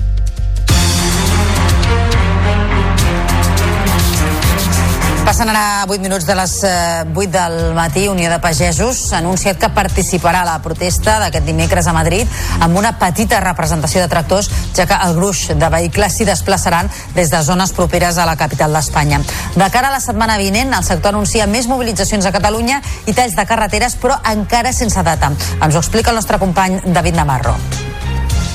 Més de 500 pagesos provinents de Catalunya participaran a la mobilització que dimecres es farà a Madrid juntament amb la Unió d'Unions d'Agricultors i Ramaders. Els manifestants reclamen una nova llei de la cadena alimentària per evitar els abusos de les grans distribuïdores menys burocràcia i ajuts a la incorporació dels joves i contra la sequera. També, com ha explicat el coordinador nacional d'Unió de Pagesos, Joan Cavall, que s'acabi amb els tractats internacionals que perjudiquen els agricultors i ramaders europeus. Quina és la política que volem? Que és que sigui adaptada a les realitats i el model d'agricultura que acabem defensant nosaltres, que és el model d'agricultura familiar, i que no fem més política d'hipòcrites dient que les normes d'aquí tenen que ser unes i el que vingui de fora en els mateixos condicionants o en les mateixes prestatgeries doncs no compleix aquests requisits perquè fins ara això està passant Els pagesos continuen en peu de guerra i ja anuncien mobilitzacions a Catalunya per a la setmana vinent que implicaran el tall de carreteres. També negocien amb agricultors i ramaders francesos per fer accions conjuntes de protesta. A tot això, el ministre d'Agricultura, Luis Planas, ha demanat a les comunitats autònomes col·laboració i suport per facilitar la vida als agricultors i resoldre moltes de les seves peticions.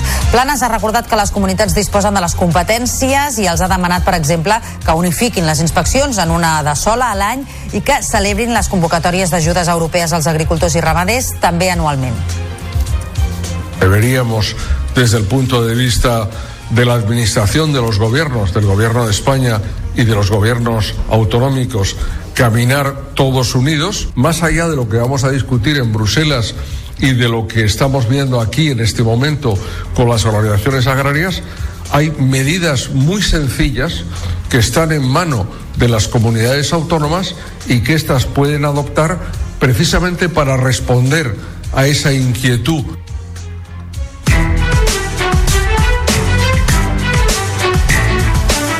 Esquerra Republicana demana a Junts per Catalunya i el PSOE que no allarguin més la negociació per la llei d'amnistia i que l'aprovin ja per tal que pugui ser aplicada. Els de Carles Puigdemont responen que les presses no són bones i que l'important és fer un bon text. El PSOE i Junts eh, per Catalunya, recordem, s'han donat 15 dies de pròrroga per esmenar la llei d'amnistia. Escoltem Raquel Sanz, que és portaveu d'Esquerra, i Josep Rius, portaveu de Junts. Creiem que el més imprescindible de tot plegat és que aquesta llei es pugui aplicar perquè podem anar fent invents però si la llei no és aplicable doncs no, no servirà per res. Per tant, també fem la crida a la responsabilitat al PSOE, a Junts per Catalunya, a que accelerin aquesta llei i que facin sobretot que aquesta llei sigui aplicable. Home, jo qualificar d'invents, diguem-ne, la tasca que està duent a terme des del PSOE i des de Junts per Catalunya, doncs la veritat és que no hi estic gens d'acord, sinó que és tot el contrari eh, i per tant em reitero amb el que he dit abans que les presses no són una bona consellera i que el que cal aquí és doncs, eh, continuar negociant amb tota la discreció per tenir un bon text de la llei d'amnistia. I la portaveu del PSOE, Esther Penya, ha desvinculat l'amnistia dels mals resultats que la seva formació ha obtingut a les eleccions gallegues. Segons Penya, els ciutadans han votat en clau territorial i no pensant en l'àmbit de la política espanyola. La portaveu socialista també ha afegit que el transvasament de vot del PSOE ha anat al BNG, un partit que és clarament sobiranista. Creemos que la amnistía no ha supuesto ni ha sido un factor que haya definido los resultados electorales con una influencia relevante ni para el Partido Socialista, pero tampoco para el Partido Popular tras la metedura de pata supuesta del señor Fijó cuando reveló a 16 periodistas en Lugo que se pensó en la amnistía, que era favorable a los indultos y que el terrorismo pues ya, ya no existía en el proceso. ¿no? Realmente no, no creemos que la amnistía haya influido en estos territorios, en estos resultados. En clau municipal, Esquerra dirà sí al pressupost per al 2024 de l'Ajuntament de Barcelona. Els republicans van signar ahir un acord pressupostari amb el govern de Jaume Collboni que assegura el suport d'Esquerra al primer tràmit dels comptes en la Comissió d'Economia Extraordinària d'avui. L'entesa suposa un pas més en les bones relacions PSC-Esquerra Republicana que al gener van intensificar les converses per a un pacte de govern. Ens ho expliquen des de BTV. El portaveu dels republicans i el tinent d'alcaldia d'Economia han signat un acord que assegura el sí d'Esquerra al pressupost que es votarà avui de forma inicial. Els socialistes han acceptat un paquet de mesures que, segons Esquerra, tenen un impacte de 100 milions d'euros. Hem arribat a un bon acord, hem aconseguit en aquest sentit moure el Partit Socialista d'una acció de govern conservadora, d'una acció de govern eh, de molta endreça però de poca acció de futur. En un missatge a les xarxes socials, l'alcalde Jaume Collboni ha celebrat l'acord amb Esquerra perquè diu que posa les persones al capdavant i ha demanat a la resta de grups que siguin igual de responsables per aprovar els comptes. Entre les mesures pactades hi ha la creació d'una oficina per impulsar l'ús social del català i també la teocultura, una targeta per facilitar l'accés a l'oferta cultural pública, especialment en català. En clau urbanística, el PSC i Esquerra han acordat augmentar la inversió per construir 1.000 pisos públics aquest any, pacificar més carrers i fer carrils bici, i també un pla de barris específic per a les zones de muntanya. En polítiques socials, el pacte inclou recuperar les ajudes d'urgència per a famílies amb infants de 0 a 16 anys. A la mateixa línia, Barcelona en Comú facilitarà que el pressupost municipal del 2024 passi avui al primer tràmit. La portaveu dels comuns, Janet Sanz, ha advertit que el seu vot serà l'última oportunitat que donen a l'alcalde Jaume Collboni per configurar un pacte de govern d'esquerres. Si això no passa, ha dit votaran en contra en l'aprovació definitiva dels comptes prevista per al mes de març si en 30 dies no hi ha aquest pacte, no hi ha aquest acord de govern d'esquerres, doncs evidentment eh, el que proposarem a l'organització és que votarem que no als pressupostos i que per tant doncs, eh, és la última, és l'ultimàtum, és la última oportunitat que li donem al govern municipal per tancar aquest pacte d'esquerres de, que necessita la ciutat de Barcelona i que permeti tenir uns pressupostos també d'esquerres progressistes.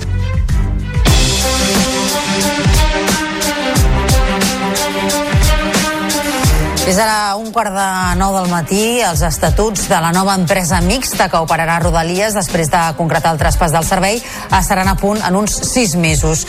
Així ho han explicat la consellera de Territori, Esther Capella, i el ministre de Transports i Mobilitat Sostenible, Òscar Puente, després de reunir-se a la seu del departament on ha acordat la constitució de sis grups que començaran a treballar aquest primer trimestre. Aquest dilluns s'ha constituït la comissió política que haurà de gestionar el traspàs del servei. Ens ho explica el David Benito. El govern català i el govern espanyol han constituït la comissió política pel traspàs de Rodalies aquest dilluns al matí, una posada en marxa tècnica al full de ruta pel traspàs integral de la gestió i de les infraestructures. La consellera de Territori, Esther Capella, ha assegurat que es compleix així un dels acords que va fer possible la investidura de Pedro Sánchez com a president espanyol. Per tant, estem materialitzant l'acord polític del traspàs integral del servei de Rodalies, desplegant així un dels principals acords de la investidura del president Sánchez a l'alçada de les altres grans transferències de competències que ha fet l'Estat a Catalunya. Per la seva banda, el ministre de Transport, Oscar Puente, ha reiterat el compromís del Ministeri per fer-ho possible. No estamos aquí para marear la perdiz, se lo digo bien claro, lo sabe la consellera. Eh, estamos para solucionar este asunto de la manera más rápida y mejor posible. Y estamos dando los pasos necesarios para hacerlo. Indudablemente un paso adelante muy importante y no vamos a, a parar de trabajar para eh, ir alcanzando eh, la consecución de, de ese objetivo que es el traspaso integral. De la reunió han sortit sis grups de treball. Tot i que han evitat parlar de calendaris, un dels objectius prioritaris és la creació de l'empresa pública que hauria d'estar enllestida en sis mesos. Des de l'Associació per a la Promoció del Transport Públic valoren en positiu l'arrencada d'aquest traspàs, sobretot perquè amb la constitució d'una empresa mixta, la Generalitat haurà d'implicar-se directament en la resolució dels problemes en lloc de només criticar-los. Ho ha dit fa pocs minuts aquí al Notícies en xarxa Daniel Pic, és el portaveu de l'associació que, per contra, s'ha mostrat més caut a l'hora de parlar del traspàs a la gestió de les infraestructures. Diu que aquesta és la part més complexa perquè podria fer perillar el volum d'inversions que actualment estan en marxa alerta en què es faci com es faci, hem de garantir de que es manté aquest impuls inversor dels últims anys, que no l'havíem tingut mai, però que ara és cert que el tenim. I la segona cosa és de que no són línies independents. Estem parlant de que un tren, quan arriba a Massanet o quan arriba a Sant Vicenç de Calders, pot anar per Vilafranca o per Vilanova, pot anar... Un traspàs parcial ens pot complicar molt la vida en el sentit de que si hi ha diferents centres de control, en el sentit de que si hi ha diferents normatives. Canviem ara de qüestió. Els pobles sense oficina bancària tindran un caixer mòbil cada 15 dies i amb atenció personalitzada. El servei es començarà a oferir al setembre i vol arribar al 100% de la població del país.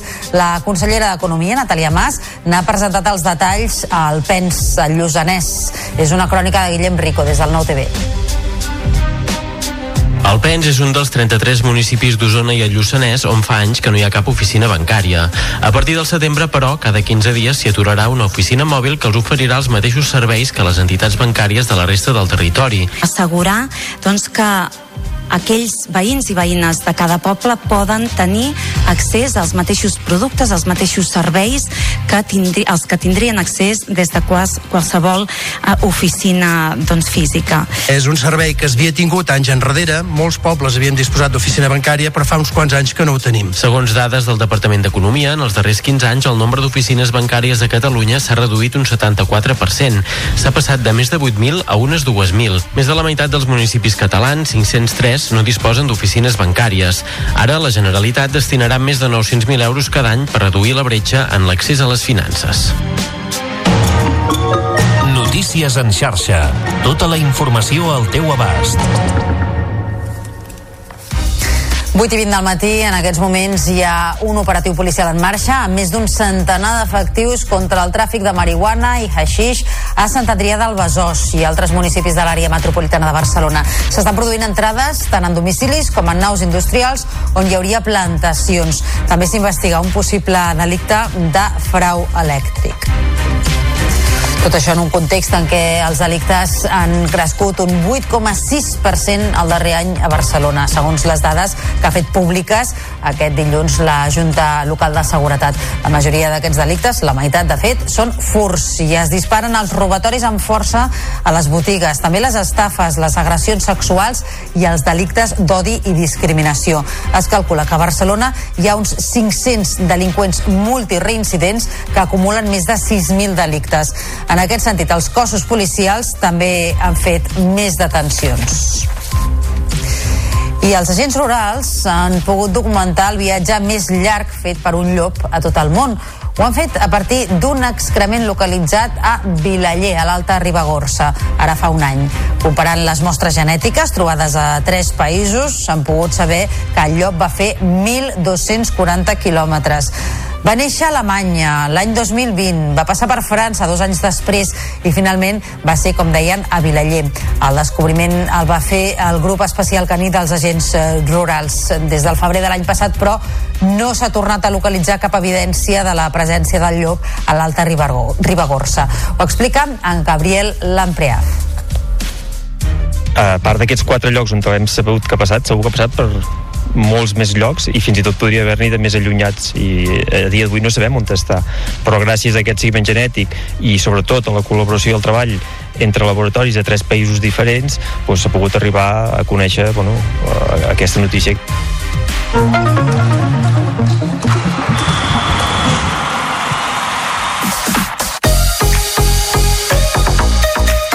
Nova ensopegada del Girona, que va caure per 3 a 2 a Sant Mamés, en un partit en què va tenir opcions fins al final, però va pagar molt cars els errors defensius. La derrota deixa els de Mitchell amb només un punt sumat dels darrers 9 a 6 del Real Madrid i dos per sobre del Barça. El tècnic manté les places de Champions com a objectiu del curs. Me voy a venir arriba. Eh, creo que vamos a luchar por entrar en Champions. Esa es mi percepción.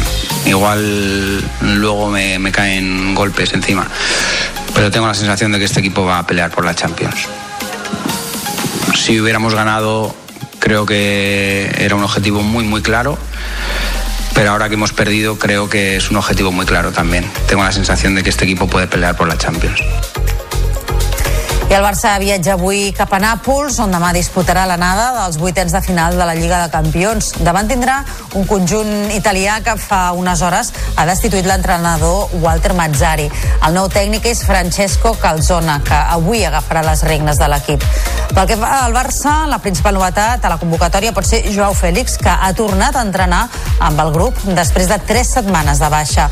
Els blaugrana faran aquesta tarda un entrenament a l'estadi Diego Armando Maradona. I partit a caixa o faixa per al Barça de futbol sala. Aquest vespre jugarà el bitllet per a la final a 4 de la Copa del Rei a partit únic a la pista del Peníscola. Els blaugrana recuperen dues peces importants, els brasilers Diego i Pitu, ja reincorporats després de la Copa Amèrica. El tanca Antonio Pérez avisa que no serà fàcil obtenir la classificació a la pista castellonenca. Sabemos que jugamos hace poco allí, hace más o menos un mes, y bueno, sabemos que es difícil, una pista pequeña, que la gente, pues bueno, está encima, es difícil, el último partido empatamos y bueno, eh, sabemos que, va a ser muy complicado, pero bueno, sabemos que en estos partidos, como bien has dicho, este equipo da un pasito más. El torneig de futbol base MIC ultima la preparació de la 22a edició que es disputarà del 27 al 31 de març. Enguany s'establirà un nou rècord de participants. És una informació de Televisió Costa Brava. Laia Campos. El torneig internacional de futbol base MIC Futbol superarà per primera vegada la barrera dels 400 equips i dels 8.000 jugadors i la seva 22a edició que tindrà lloc del 27 al 31 del proper mes de març comptarà amb una participació rècord. Entre les nou categories s'han inscrit 412 equips procedents de gairebé una quarantena de països d'arreu del món. D'aquesta manera es deixa enrere la xifra de l'any passat, que va ser de 344 equips, i també es bat el rècord del torneig, que es va registrar l'any 2018 quan en van ser 372. Amb una participació tan elevada hi haurà més partits que mai, 1.012. D'entre els clubs confirmats per l'edició d'aquest 2024, més d'una desena estan representats actualment a la primera i segona divisió de l'estat espanyol. En àmbit internacional també hi participaran clubs de primer nivell d'altres països europeus. Els jugadors i jugadores que participin al MIC tindran entre 12 i 19 anys i estaran dividits en 9 categories.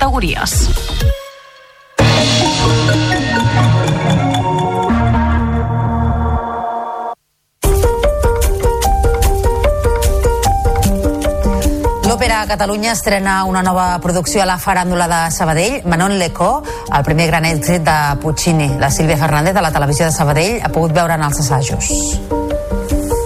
Menon Lescó de Puccini arriba a Sabadell. El Teatre de la Faràndula acull una obra que s'estrena aquest dimecres a les 8 del vespre i és la tercera producció de la temporada 2023-2024 d'Òpera a Catalunya amb la direcció artística de Mirna La Cambra. Ambientada a la França del segle XVIII, la història és un reflex de la hipocresia d'una societat corrompuda i també un cant a l'amor impossible que amaga moments de gran bellesa i dramatisme. Es una ópera que llega al corazón, o sea, una ópera que te va a, a tocar la emoción, que te va a hacer viajar durante, durante las tres horas que dura eh, a través de un montón de emociones, de sentimientos. A banda de l'estrena, a Sabadell també es representarà el divendres 23 de febrer a les 8 del vespre i el diumenge 25 a les 6, per marxar posteriorment de gira per Catalunya. Es faran 10 funcions entre 8 ciutats diferents, entre elles Sant Cugat del Vallès, Granollers, Tarragona, Girona i Lleida. La Generalitat lliura els 5 Premis Nacionals d'Artesania i els 12 diplomes de mestre artesà. Entre ells, la dissenyadora Sílvia Conde, amb el Premi Talent Jove, el torner Jordi Pladevall, amb el Premi Empren, i el restaurador Aleix Álvarez. La mestra artesana paperera Victòria Raval, directora del Museu Molí Paperer de Capellades, ha recollit el Premi Nacional d'Artesania 2023 jo crec que no està renyit, com deia, amb les noves tecnologies, al contrari, sinó ni amb el disseny, i jo crec que tot això d'anar junt una persona jove pot trobar l'artesania en el plaer de fer allò únic, especial, amb una part important manual, per trobar un plaer i una via, un nitxo de, de sortida dels seus productes i una forma de vida.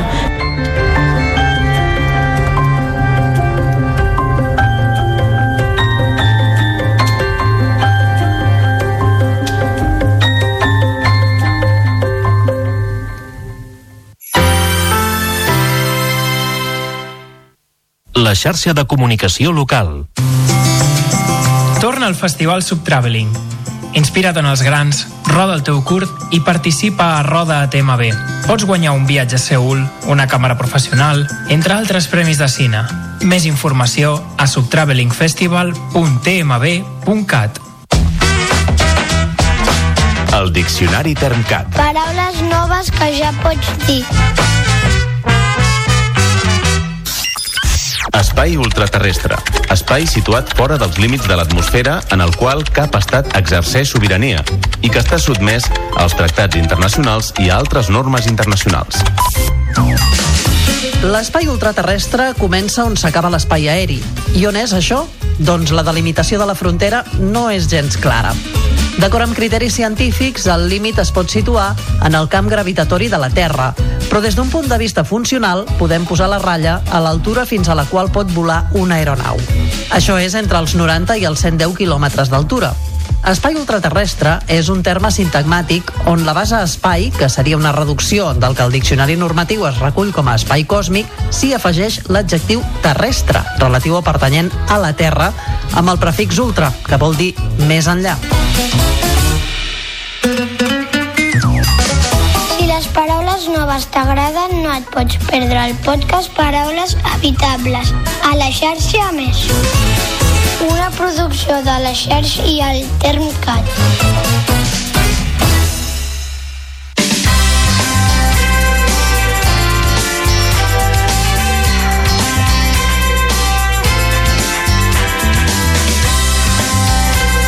La xarxa de comunicació local.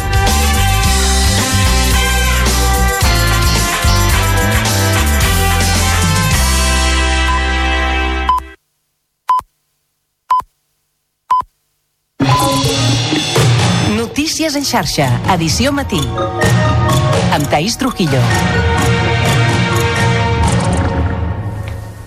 Bon dia, són dos quarts de nou del matí i avui al Notícies en xarxa us estem explicant que el Parlament aborda a partir d'aquest dimarts un ple monogràfic per debatre la greu situació de sequera que afecta Catalunya sobre la gestió que s'està fent de l'aigua. En parlarem d'aquí a uns minuts amb Didac Navarro, que és portaveu d'Ecologistes en Acció i també de la plataforma Aigua és Vida. I és que la crisi climàtica aterra de nou a la cambra després de la sessió celebrada al maig de l'any passat. Ara el context excepcional afecta el sistema sistema Ter Llobregat i ja s'han posat damunt la taula mesures com baixar la pressió del subministrament o l'arribada de vaixells amb aigua si no plou abans de l'estiu. Mentrestant, el govern ha obert la porta a omplir piscines com a refugi climàtic a municipis on el decret de sequera en principi no permet fer-ho. També us estem explicant que els pobles sense oficina bancària tindran un caixer mòbil cada 15 dies i amb atenció personalitzada. El servei es començarà a oferir al setembre i vol arribar al 100% de la població del país. Segons dades del Departament d'Economia, en els darrers 15 anys el nombre d'oficines bancàries a Catalunya s'ha reduït un 74%. Aquest nou servei d'inclusió financera, però, no acaba d'agradar a tots els municipis que el rebran. De seguida li preguntarem per què a l'alcalde de Gòsol, Rafael López. I avui també hem destacat que Estat i Generalitat acorden que en sis mesos hauran d'estar a punt els estatuts de la nova empresa mixta que operarà Rodalies amb el traspàs del servei. Es constituiran sis grups de treball que es posaran en marxa aquest mateix trimestre. Un estudi identificarà nous trams susceptibles de passar a mans del govern català més enllà dels pactats inicialment. De la plana política també us hem explicat que el govern de Jaume Collboni podrà aprovar de forma inicial aquest dimarts el pressupost de l'Ajuntament de Barcelona per al 2024. Els comptes rebran el suport d'Esquerra Republicana després d'un acord amb el PSC, mentre que Barcelona en Comú facilitarà que s'aprovin. La resta de grups es pronunciaran en el debat en comissió. En esports derrota del Girona davant l'Atlètic Club per 3 a 2. Els gironins, que van tenir opcions fins al final, van pagar molt cars els errors defensius. Els de Mitchell només han sumat un dels darrers 9 punts disputats i queden a 6 del Real Madrid i dos per sobre del Barça. Notícies en xarxa, edició matí. Avui comença al Parlament un ple per debatre la greu situació de la sequera. La sessió arrencarà a les 3 de la tarda amb el debat monogràfic sobre el canvi climàtic i sobre les mesures extraordinàries i urgents per afrontar el context excepcional en l'àmbit del districte de Conca Fluvial de Catalunya. És un ple, recordem, sol·licitat per la CUP i per en Comú Podem. Serà una nova oportunitat per a la cambra catalana d'abordar la problemàtica després que ja es fes a mitjans de l'any passat un ple monogràfic sobre la qüestió.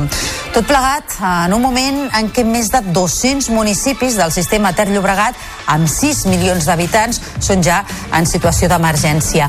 Les restriccions conviuen amb una previsió poc optimista de pluges abundants a curt termini i amb la possibilitat de fons d'acabar duent aigua amb vaixells del País Valencià si tot continua igual. El ple acabarà dijous a la tarda amb les votacions de les propostes de resolució que presentin els grups parlamentaris doncs sobre la gestió que està fent el govern de la sequera i sobre les expectatives de cara al ple monogràfic d'avui sobre el canvi climàtic. En volem parlar ara amb Didac Navarro, que és portaveu d'Ecologistes en Acció i també de la plataforma Aigua és Vida. Senyor Navarro, molt bon dia. Hola, molt bon dia, Taís que és el que n'hauríem o espereu vosaltres del ple d'avui? Confieu que serveixi per redreçar d'alguna manera la gestió que s'està fent de la sequera per part del govern? Doncs veiem la trajectòria que portem eh, en aquests darrers mesos i de fet en els darrers anys eh, ens mostrem doncs, eh, molt optimistes amb el resultat d'aquest ple. Eh, de fet, tot el procés que estem visquent de la taula nacional de l'aigua està resultant molt decepcionant i, i hem mostrat el nostre desencís a, tant a la secretària d'Acció Climàtica com al director de l'Agència Catalana de l'Aigua i de moment no hem rebut cap resposta d'un canvi de paradigma en, en aquest funcionament de la taula. Uh -huh. Per què no us agrada o què és el que no us agrada de com està funcionant aquesta taula de la sequera de la qual formen part entitats com la vostra i quins són els àmbits en els quals hi hauria marge de, de millora per tal que aquesta taula fos eficient? Doncs aquest espai, la Taula Nacional de l'Aigua, pretén ser un espai de, de participació, no? I on estan representats tant eh, moviments socials eh, com, com diferents entitats eh, interessades no? amb tot el que es refereix a la gestió en matèria d'aigua. No? Per tant, des dels sindicats eh, de, de l'agroindústria no? fins a, a les grans patronals de, de diferents, diferents sectors econòmics que tenen interès en la gestió de l'aigua. Eh, nosaltres voldríem que fos un espai de debat i actualment no ho està siguent Eh, primerament perquè per poder debatre hauríem de tenir les dades sobre la taula i de moment l'Agència Catalana de l'Aigua no està publicant aquestes dades. Eh, sembla que les tenen a vegades diuen que no. Llavors nosaltres no podem de moment debatre sense tenir eh, els fonaments, no? la base per, per poder prendre decisions. Si no sabem qui són eh, els grans sectors consumidors si no sabem quines són les empreses que més aigua estan consumint actualment no podem decidir quines són les activitats o els usos de l'aigua més prioritaris enfront d'uns altres i per mm. tant no podem fer una gestió eh, òptima d'aquest recurs que cada cop és més escàs al nostre país. Quines són les dades eh, que no s'estan publicant? Perquè periòdicament eh, l'Agència Catalana de l'Aigua informa de la mitjana de consum per habitant i dia a cadascun dels municipis de Catalunya. Vosaltres demaneu altres dades, no? Dades relacionades més aviat no amb el consum domèstic, sinó amb l'activitat econòmica. Exactament, amb quins sectors, no? Eh, saber exactament quanta aigua consumeix eh, l'agroindústria, no? i en concret en funció de, del tipus d'activitat que, que, que fa. No? no és el mateix eh, una finca que es dedica a l'agricultura regenerativa, per exemple, que, que una gran indústria destinada a l'exportació de, de productes alimentaris. No? Eh, una és per autoconsum, no? Mm, per garantir la sobirania alimentària del país, i l'altra el que està fent és exportar aigua en forma de productes alimentaris, ja sigui eh, pomes eh, com sigui carn, no? Per tant, hem de pensar no, amb una visió més estratègica eh, quanta aigua podem exportar com a país i si ens ho podem permetre o no ens ho podem permetre. Llavors, aquesta és, és, és una de les demandes que tenim, no? La, que es publiquin dades per sectors i desagregades, no? que sapiguem, per exemple, el turisme quan està consumint. No? Això són unes dades que, de les, que, les quals no tenim ni idea actualment, eh, perquè són dades que estan agregades dins del, del consum, eh, diguéssim, de les llars, no? del, del consum de, de les ciutats, i per tant no podem saber eh, quin és el percentatge real d'aigua que està consumint aquest sector. Per què penseu o a què atribuïu aquesta manca de, de dades eh, que es publiquin? Doncs no sabem, bueno, sí que sabem que és una manca de transparència, però no sabem si el motiu és eh, la manca mm, d'aquestes dades perquè fins ara no s'havien recollit, que creiem que aquest ha estat el cas eh, amb els municipis, no? amb el consum dels municipis, que es van estar reclamant durant molts mesos i, i es va trigar molt, no va ser fins després de les eleccions municipals que es van publicar els consums dels municipis i per tant tampoc sabíem si hi havia uns interessos més de caire polític eh, o bé uns interessos eh, relacion... o, o, o simplement que no es disposaven d'aquelles dades, no? Però segurament aquestes dades no s'han estat recollint perquè mai ens havíem trobat no? eh, en una situació de crisi per una escassetat d'aigua tan gran com la que estem visquent actualment. Mm. En el cas del 2008 no s'havien arribat a tenir un, un estat dels embassaments tan baix com el que tenim actualment, ni a dependre tantíssim de la producció d'aigua per, per les desalinitzadores. No? Actualment, el 60% de l'aigua que estem consumint eh, prové de, de regeneració d'aigua i de desalinització d'aigua. Per tant, eh, segurament el govern no ha estat a l'alçada de les necessitats que ens podríem arribar a trobar en un moment d'emergència com el que tenim. I, i, I coses que tenien previstes en el pla d'emergència per sequera eh, realment no les podien posar en marxa. I Didac, ja per anar acabant, sobre la gestió que s'està fent ara d'aquesta fase d'emergència que afecta 6 milions d'habitants, eh, ahir el conseller David Mascort parlava de la possibilitat de deixar omplir piscines municipals, tot i que el decret no ho permetria en aquesta fase, eh, amb la justificació que serien, eh, per a molts habitants, refugi climàtic. Això vosaltres com ho veieu? Veiem que és bastant contradictori eh, amb la resta de polítiques que estan aplicant. No? De moment estem en aquest espai de participació de la Taula Nacional de l'Aigua eh, s'han pres mesures d'esquenes a nosaltres tot i estar en aquest espai, per exemple reduir el cabal mínim dels rius reduir el cabal ecològic dels rius que això suposarà unes conseqüències inimaginables a nivell dels ecosistemes aquàtics actualment eh, que ja estan molt malmesos i, i, i suposarà unes conseqüències molt i molt greus tant per la manca d'aigua per poder viure els organismes com per l'augment en la concentració de contaminants que ens trobarem en aquests rius. Eh, per tant, ens estem trobant que tenim contradiccions eh, completament oposades a, en polítiques que està practicant el govern i que no se'ns està demanant eh, cap mena de, de, de, de consulta. Eh, no, no podem entendre, no? Que això no vol dir que no estigui bé tenir refugis climàtics, que no, no vol dir que no estigui bé que tinguem piscines perquè la ciutadania eh, pugui doncs, refugiar-se en, en la situació que viurem aquest estiu segurament de temperatures molt i molt elevades i d'una extrema calor i de, i de manca de pluges i això no vol dir que no sigui correcte, però el que sí que sabem del cert que no és correcte és que reduïm el cabal ecològic dels rius sense posar restriccions a altres sectors econòmics que estan continuant consumint aigua pràcticament igual que ho feien fa uns mesos. En seguirem parlant. Didac Navarro, portaveu d'Ecologistes en Acció, gràcies per haver-nos atès aquest matí. Bon dia. A vosaltres. Notícies en xarxa. Els primers en explicar-te la informació més propera.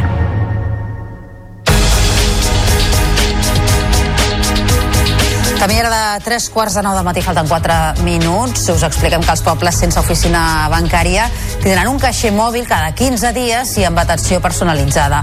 El servei es començarà a oferir al setembre i vol arribar al 100% de la població del país.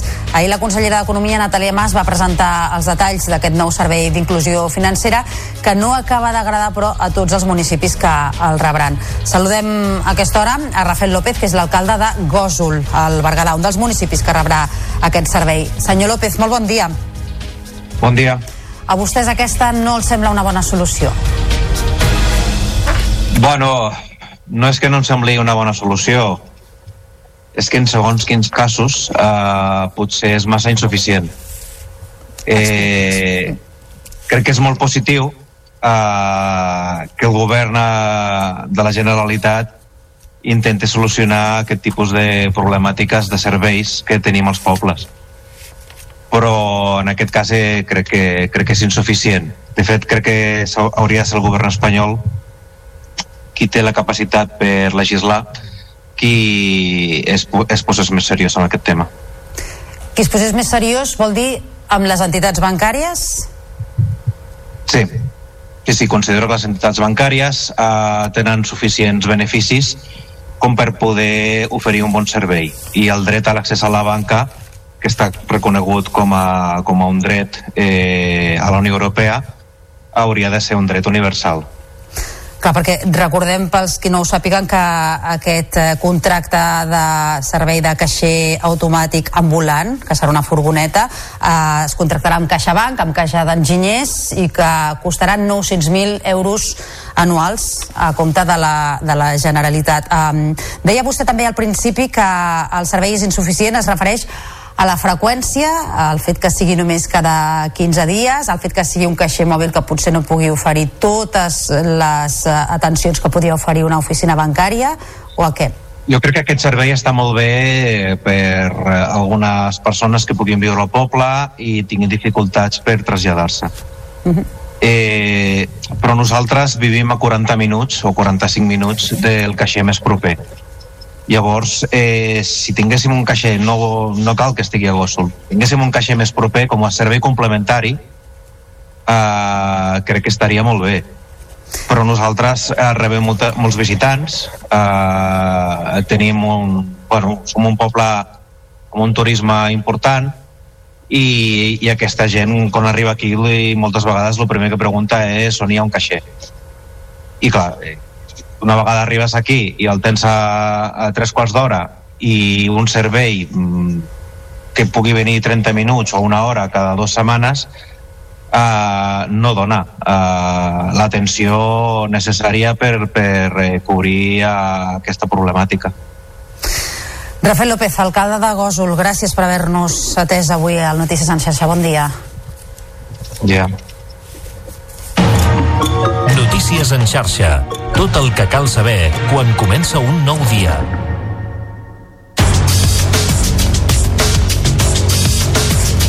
Tres quarts de nou hora del matí, els estatuts de la nova empresa mixta que operarà a Rodalies després de concretar el traspàs del servei estaran a punt en uns sis mesos. Així ho han explicat la consellera de Territori Esther Capella i el ministre de Transports i Mobilitat Sostenible Òscar Puente després de reunir-se a la seu del departament on han acordat la constitució de sis grups que començaran a treballar aquest primer trimestre de l'any. Ens ho explica el David Benito. El govern català i el govern espanyol han constituït la comissió política pel traspàs de Rodalies aquest dilluns al matí, una posada en marxa tècnica al full de ruta pel traspàs integral de la gestió i de les infraestructures. La consellera de Territori, Esther Capella, ha assegurat que es compleix així un dels acords que va fer possible la investidura de Pedro Sánchez com a president espanyol. Per tant, estem materialitzant l'acord polític del traspàs integral del servei de Rodalies, desplegant així un dels principals acords de la investidura del president Sánchez a l'alçada de les altres grans transferències de competències que ha fet l'Estat a Catalunya. Per la seva banda, el ministre de Transport, Òscar Puente, ha reiterat el compromís del Ministeri per fer-ho possible. No estamos aquí para marear la perdiz, se lo digo bien claro, lo sabe la consellera. Eh, estamos para solucionar este asunto de la manera más rápida y mejor posible. Y estamos dando los pasos necesarios para hacerlo. Indudablemente un paso adelante muy importante y no vamos a, a parar de trabajar para eh, ir a, alcanzando eh, la consecución de, de ese objetivo que es el traspaso integral. De la reunió han sortit sis grups de treball. Tot i que han evitat parlar de calendaris, un dels objectius prioritaris és la creació de l'empresa pública que hauria d'estar enllestida en sis mesos. Des de l'Associació per a la Promoció del Transport Públic valoren en positiu l'arrencada d'aquest traspàs, sobretot perquè amb la constitució d'una empresa mixta per a la gestió del servei, la Generalitat haurà d'implicar-se directament en la resolució dels problemes. Són declaracions de fa uns minuts aquí al Notícies en xarxa del portaveu de l'associació Daniel Pi portem molts anys de desinversió, portem molts anys amb un servei deficient i per tant que es comencin a, a moure coses ha de ser positiu. Nosaltres valorem de que aquest és un pas positiu en el sentit no només de que canviaran coses, sinó també que possiblement gent que fins ara estava fora de l'equació, és a dir, que deia, ui, aquests ho fan molt malament, parlo de Generalitat de Catalunya, ara estaran dins i, per tant, s'hauran de romangar per solucionar els problemes i no només criticar-los. Esquerra Republicana dirà sí al pressupost per al 2024 de l'Ajuntament de Barcelona. Els republicans van signar ahir un acord pressupostari amb el govern de Jaume Collboni que assegura el suport d'Esquerra al primer tràmit dels comptes en la Comissió d'Economia Extraordinària d'avui.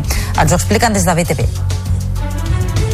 El portaveu dels republicans i el tinent d'alcaldia d'Economia han signat un acord que assegura el sí d'Esquerra al pressupost que es votarà avui de forma inicial. Els socialistes han acceptat un paquet de mesures que, segons Esquerra, tenen un impacte de 100 milions d'euros. Hem arribat a un bon acord, hem aconseguit en aquest sentit moure el Partit Socialista d'una acció de govern conservadora, d'una acció de govern eh, de molta endreça però de poca acció de futur. En un missatge a les xarxes socials, l'alcalde Jaume Collboni ha celebrat l'acord amb Esquerra perquè diu que posa les persones al capdavant i ha demanat a la resta de grups que siguin igual de responsables per aprovar els comptes. Entre les mesures pactades hi ha la creació d'una oficina per impulsar l'ús social del català i també la teocultura, una targeta per facilitar l'accés a l'oferta cultural pública, especialment en català. En clau urbanística, el PSC i Esquerra han acordat augmentar la inversió per construir 1.000 pisos públics aquest any, pacificar més carrers i fer carrils bici, i també un pla de barris específic per a les zones de muntanya. En polítiques socials, el pacte inclou recuperar les ajudes d'urgència per a famílies amb infants de 0 a 16 anys.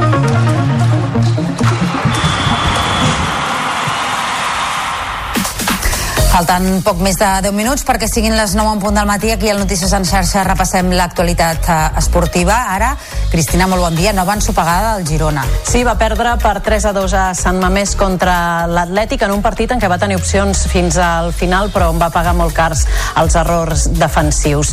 Amb aquesta derrota, els gironins eh, se situen, ara han sumat només un punt en els últims 3 partits i se situen a 6 del Real Madrid i dos per sobre del Barça. El tècnic Mitchell manté que l'objectiu continua sent entrar a la Champions. Me voy a venir arriba. Eh, creo que vamos a luchar por entrar en Champions. Esa es mi percepción. Igual luego me caen golpes encima. Pero tengo la sensación de que este equipo va a pelear por la Champions. Si hubiéramos ganado, creo que era un objetivo muy, muy claro pero ahora que hemos perdido creo que es un objetivo muy claro también. Tengo la sensación de que este equipo puede pelear por la Champions. El Barça viatja avui cap a Nàpols, on demà disputarà l'anada dels vuitens de final de la Lliga de Campions. Davant tindrà un conjunt italià que fa unes hores s'ha quedat sense entrenador per la destitució de Walter Mazzarri. El nou tècnic és Francesco Calzona, que avui agafarà les regnes de l'equip. Pel que fa al Barça, la principal novetat a la convocatòria pot ser Joao Fèlix, que ha tornat a entrenar amb el grup després de tres setmanes de baixa. Els blaugranes faran aquesta tarda un entrenament a l'estadi Diego Armando Maradona. Alexia Putelles ja s'ha incorporat a la concentració amb la selecció espanyola per la disputa de la fase final de la Nations League. La migcampista blaurana, convocada tot i no tenir l'alta mèdica, no va entrenar però amb la resta del grup. A banda de la de Mollet, hi ha set jugadores més del Barça, la debutant Vicky López, Cata Coll, Ona Batlle, Irene Paredes, Aitana, Salma i Mariona. La semifinal serà divendres contra els Països Baixos amb un bitllet per als Jocs Olímpics en joc. També s'ha incorporat a la selecció, en aquest cas la de bàsquet, Ricky Rubio. El del Masnou, que no juga des de l'abril, podria tornar a les pistes en els duels de classificació per a l'Eurobàsquet. El combinat s'enfrontarà dijous a Letònia i diumenge a Bèlgica. Ricky, que properament podria debutar també amb el Barça, està acompanyat de dos blaugranes més, són Darío Brizuela i Joel Parra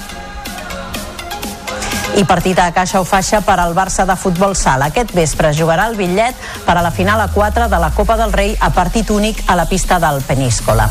Els blaugranes recuperen dues peces importants, els brasilers Diego i Pitu, ja reincorporats després de la Copa Amèrica.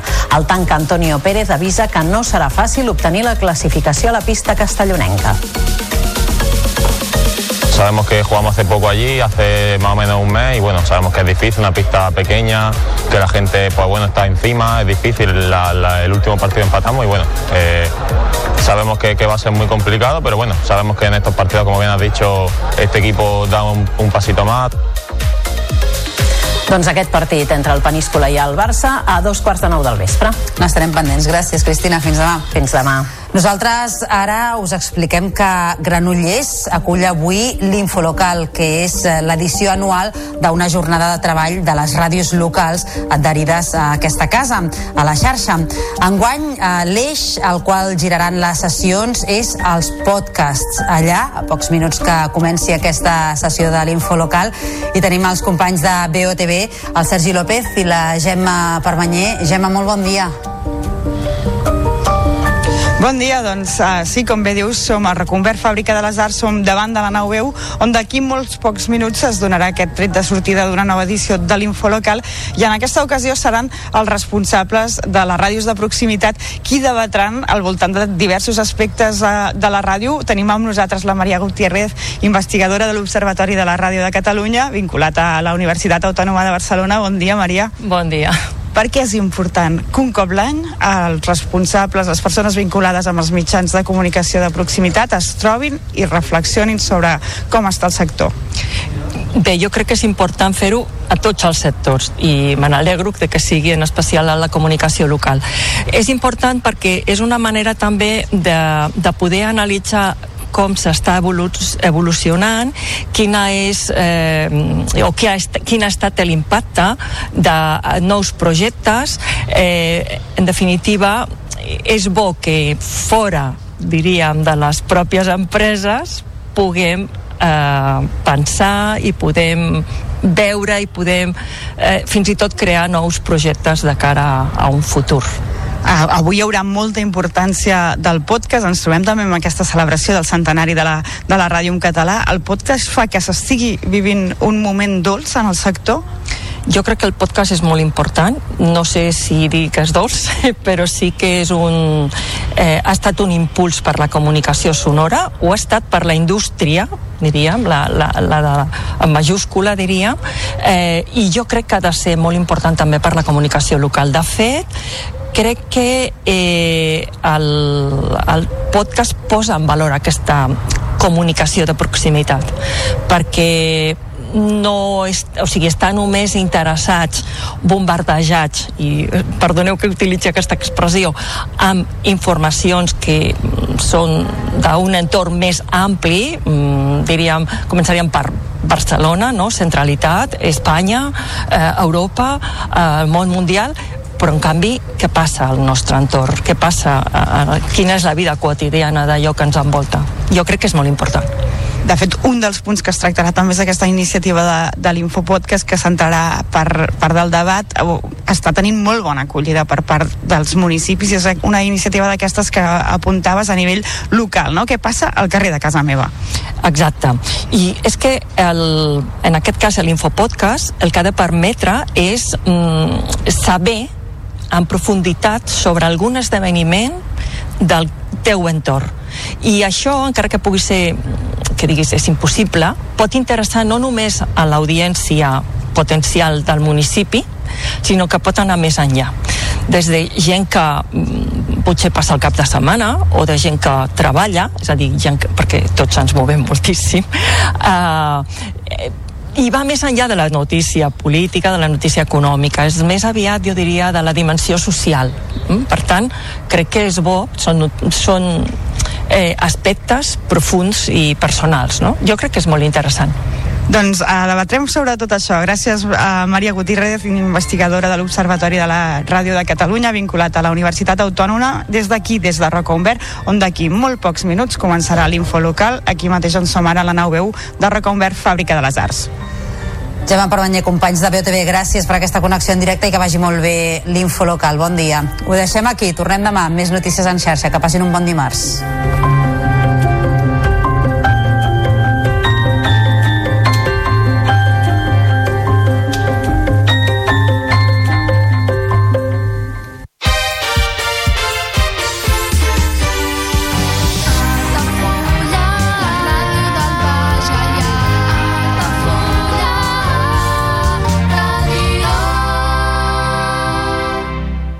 Ja coneixes les propostes que t'ofereix el Club Marítim Altafulla? Vine i descobreix totes les nostres activitats. Sortides en caiac o pa del surf, cursos de vela per a totes les edats. No t'ho perdis. Club Marítim Altafulla. Obert tot l'any i per a tothom.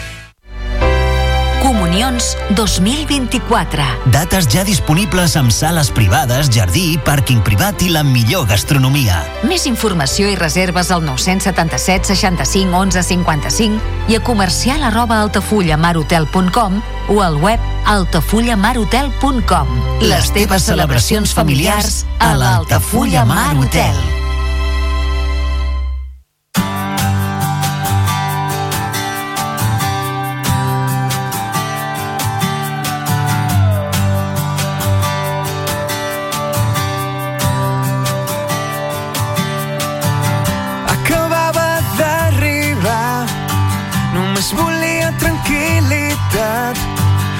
Després de nits sumides a la carretera. I se'm va posar davant, no em va saber controlar. Va caure enmig d'una vessada de sang i em va dir... Oh, Jo era el boig de la ciutat,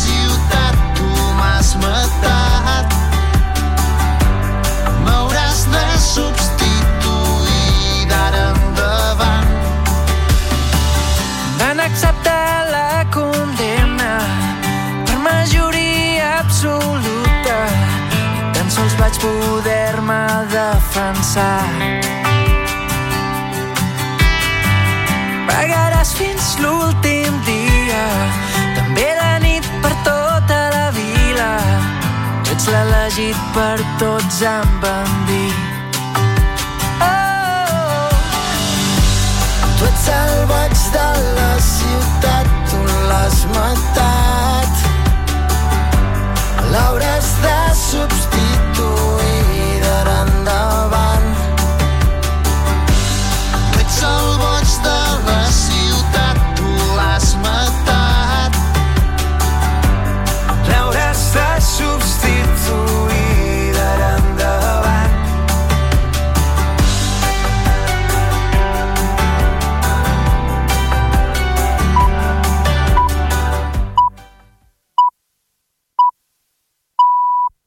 Són les 9 del matí.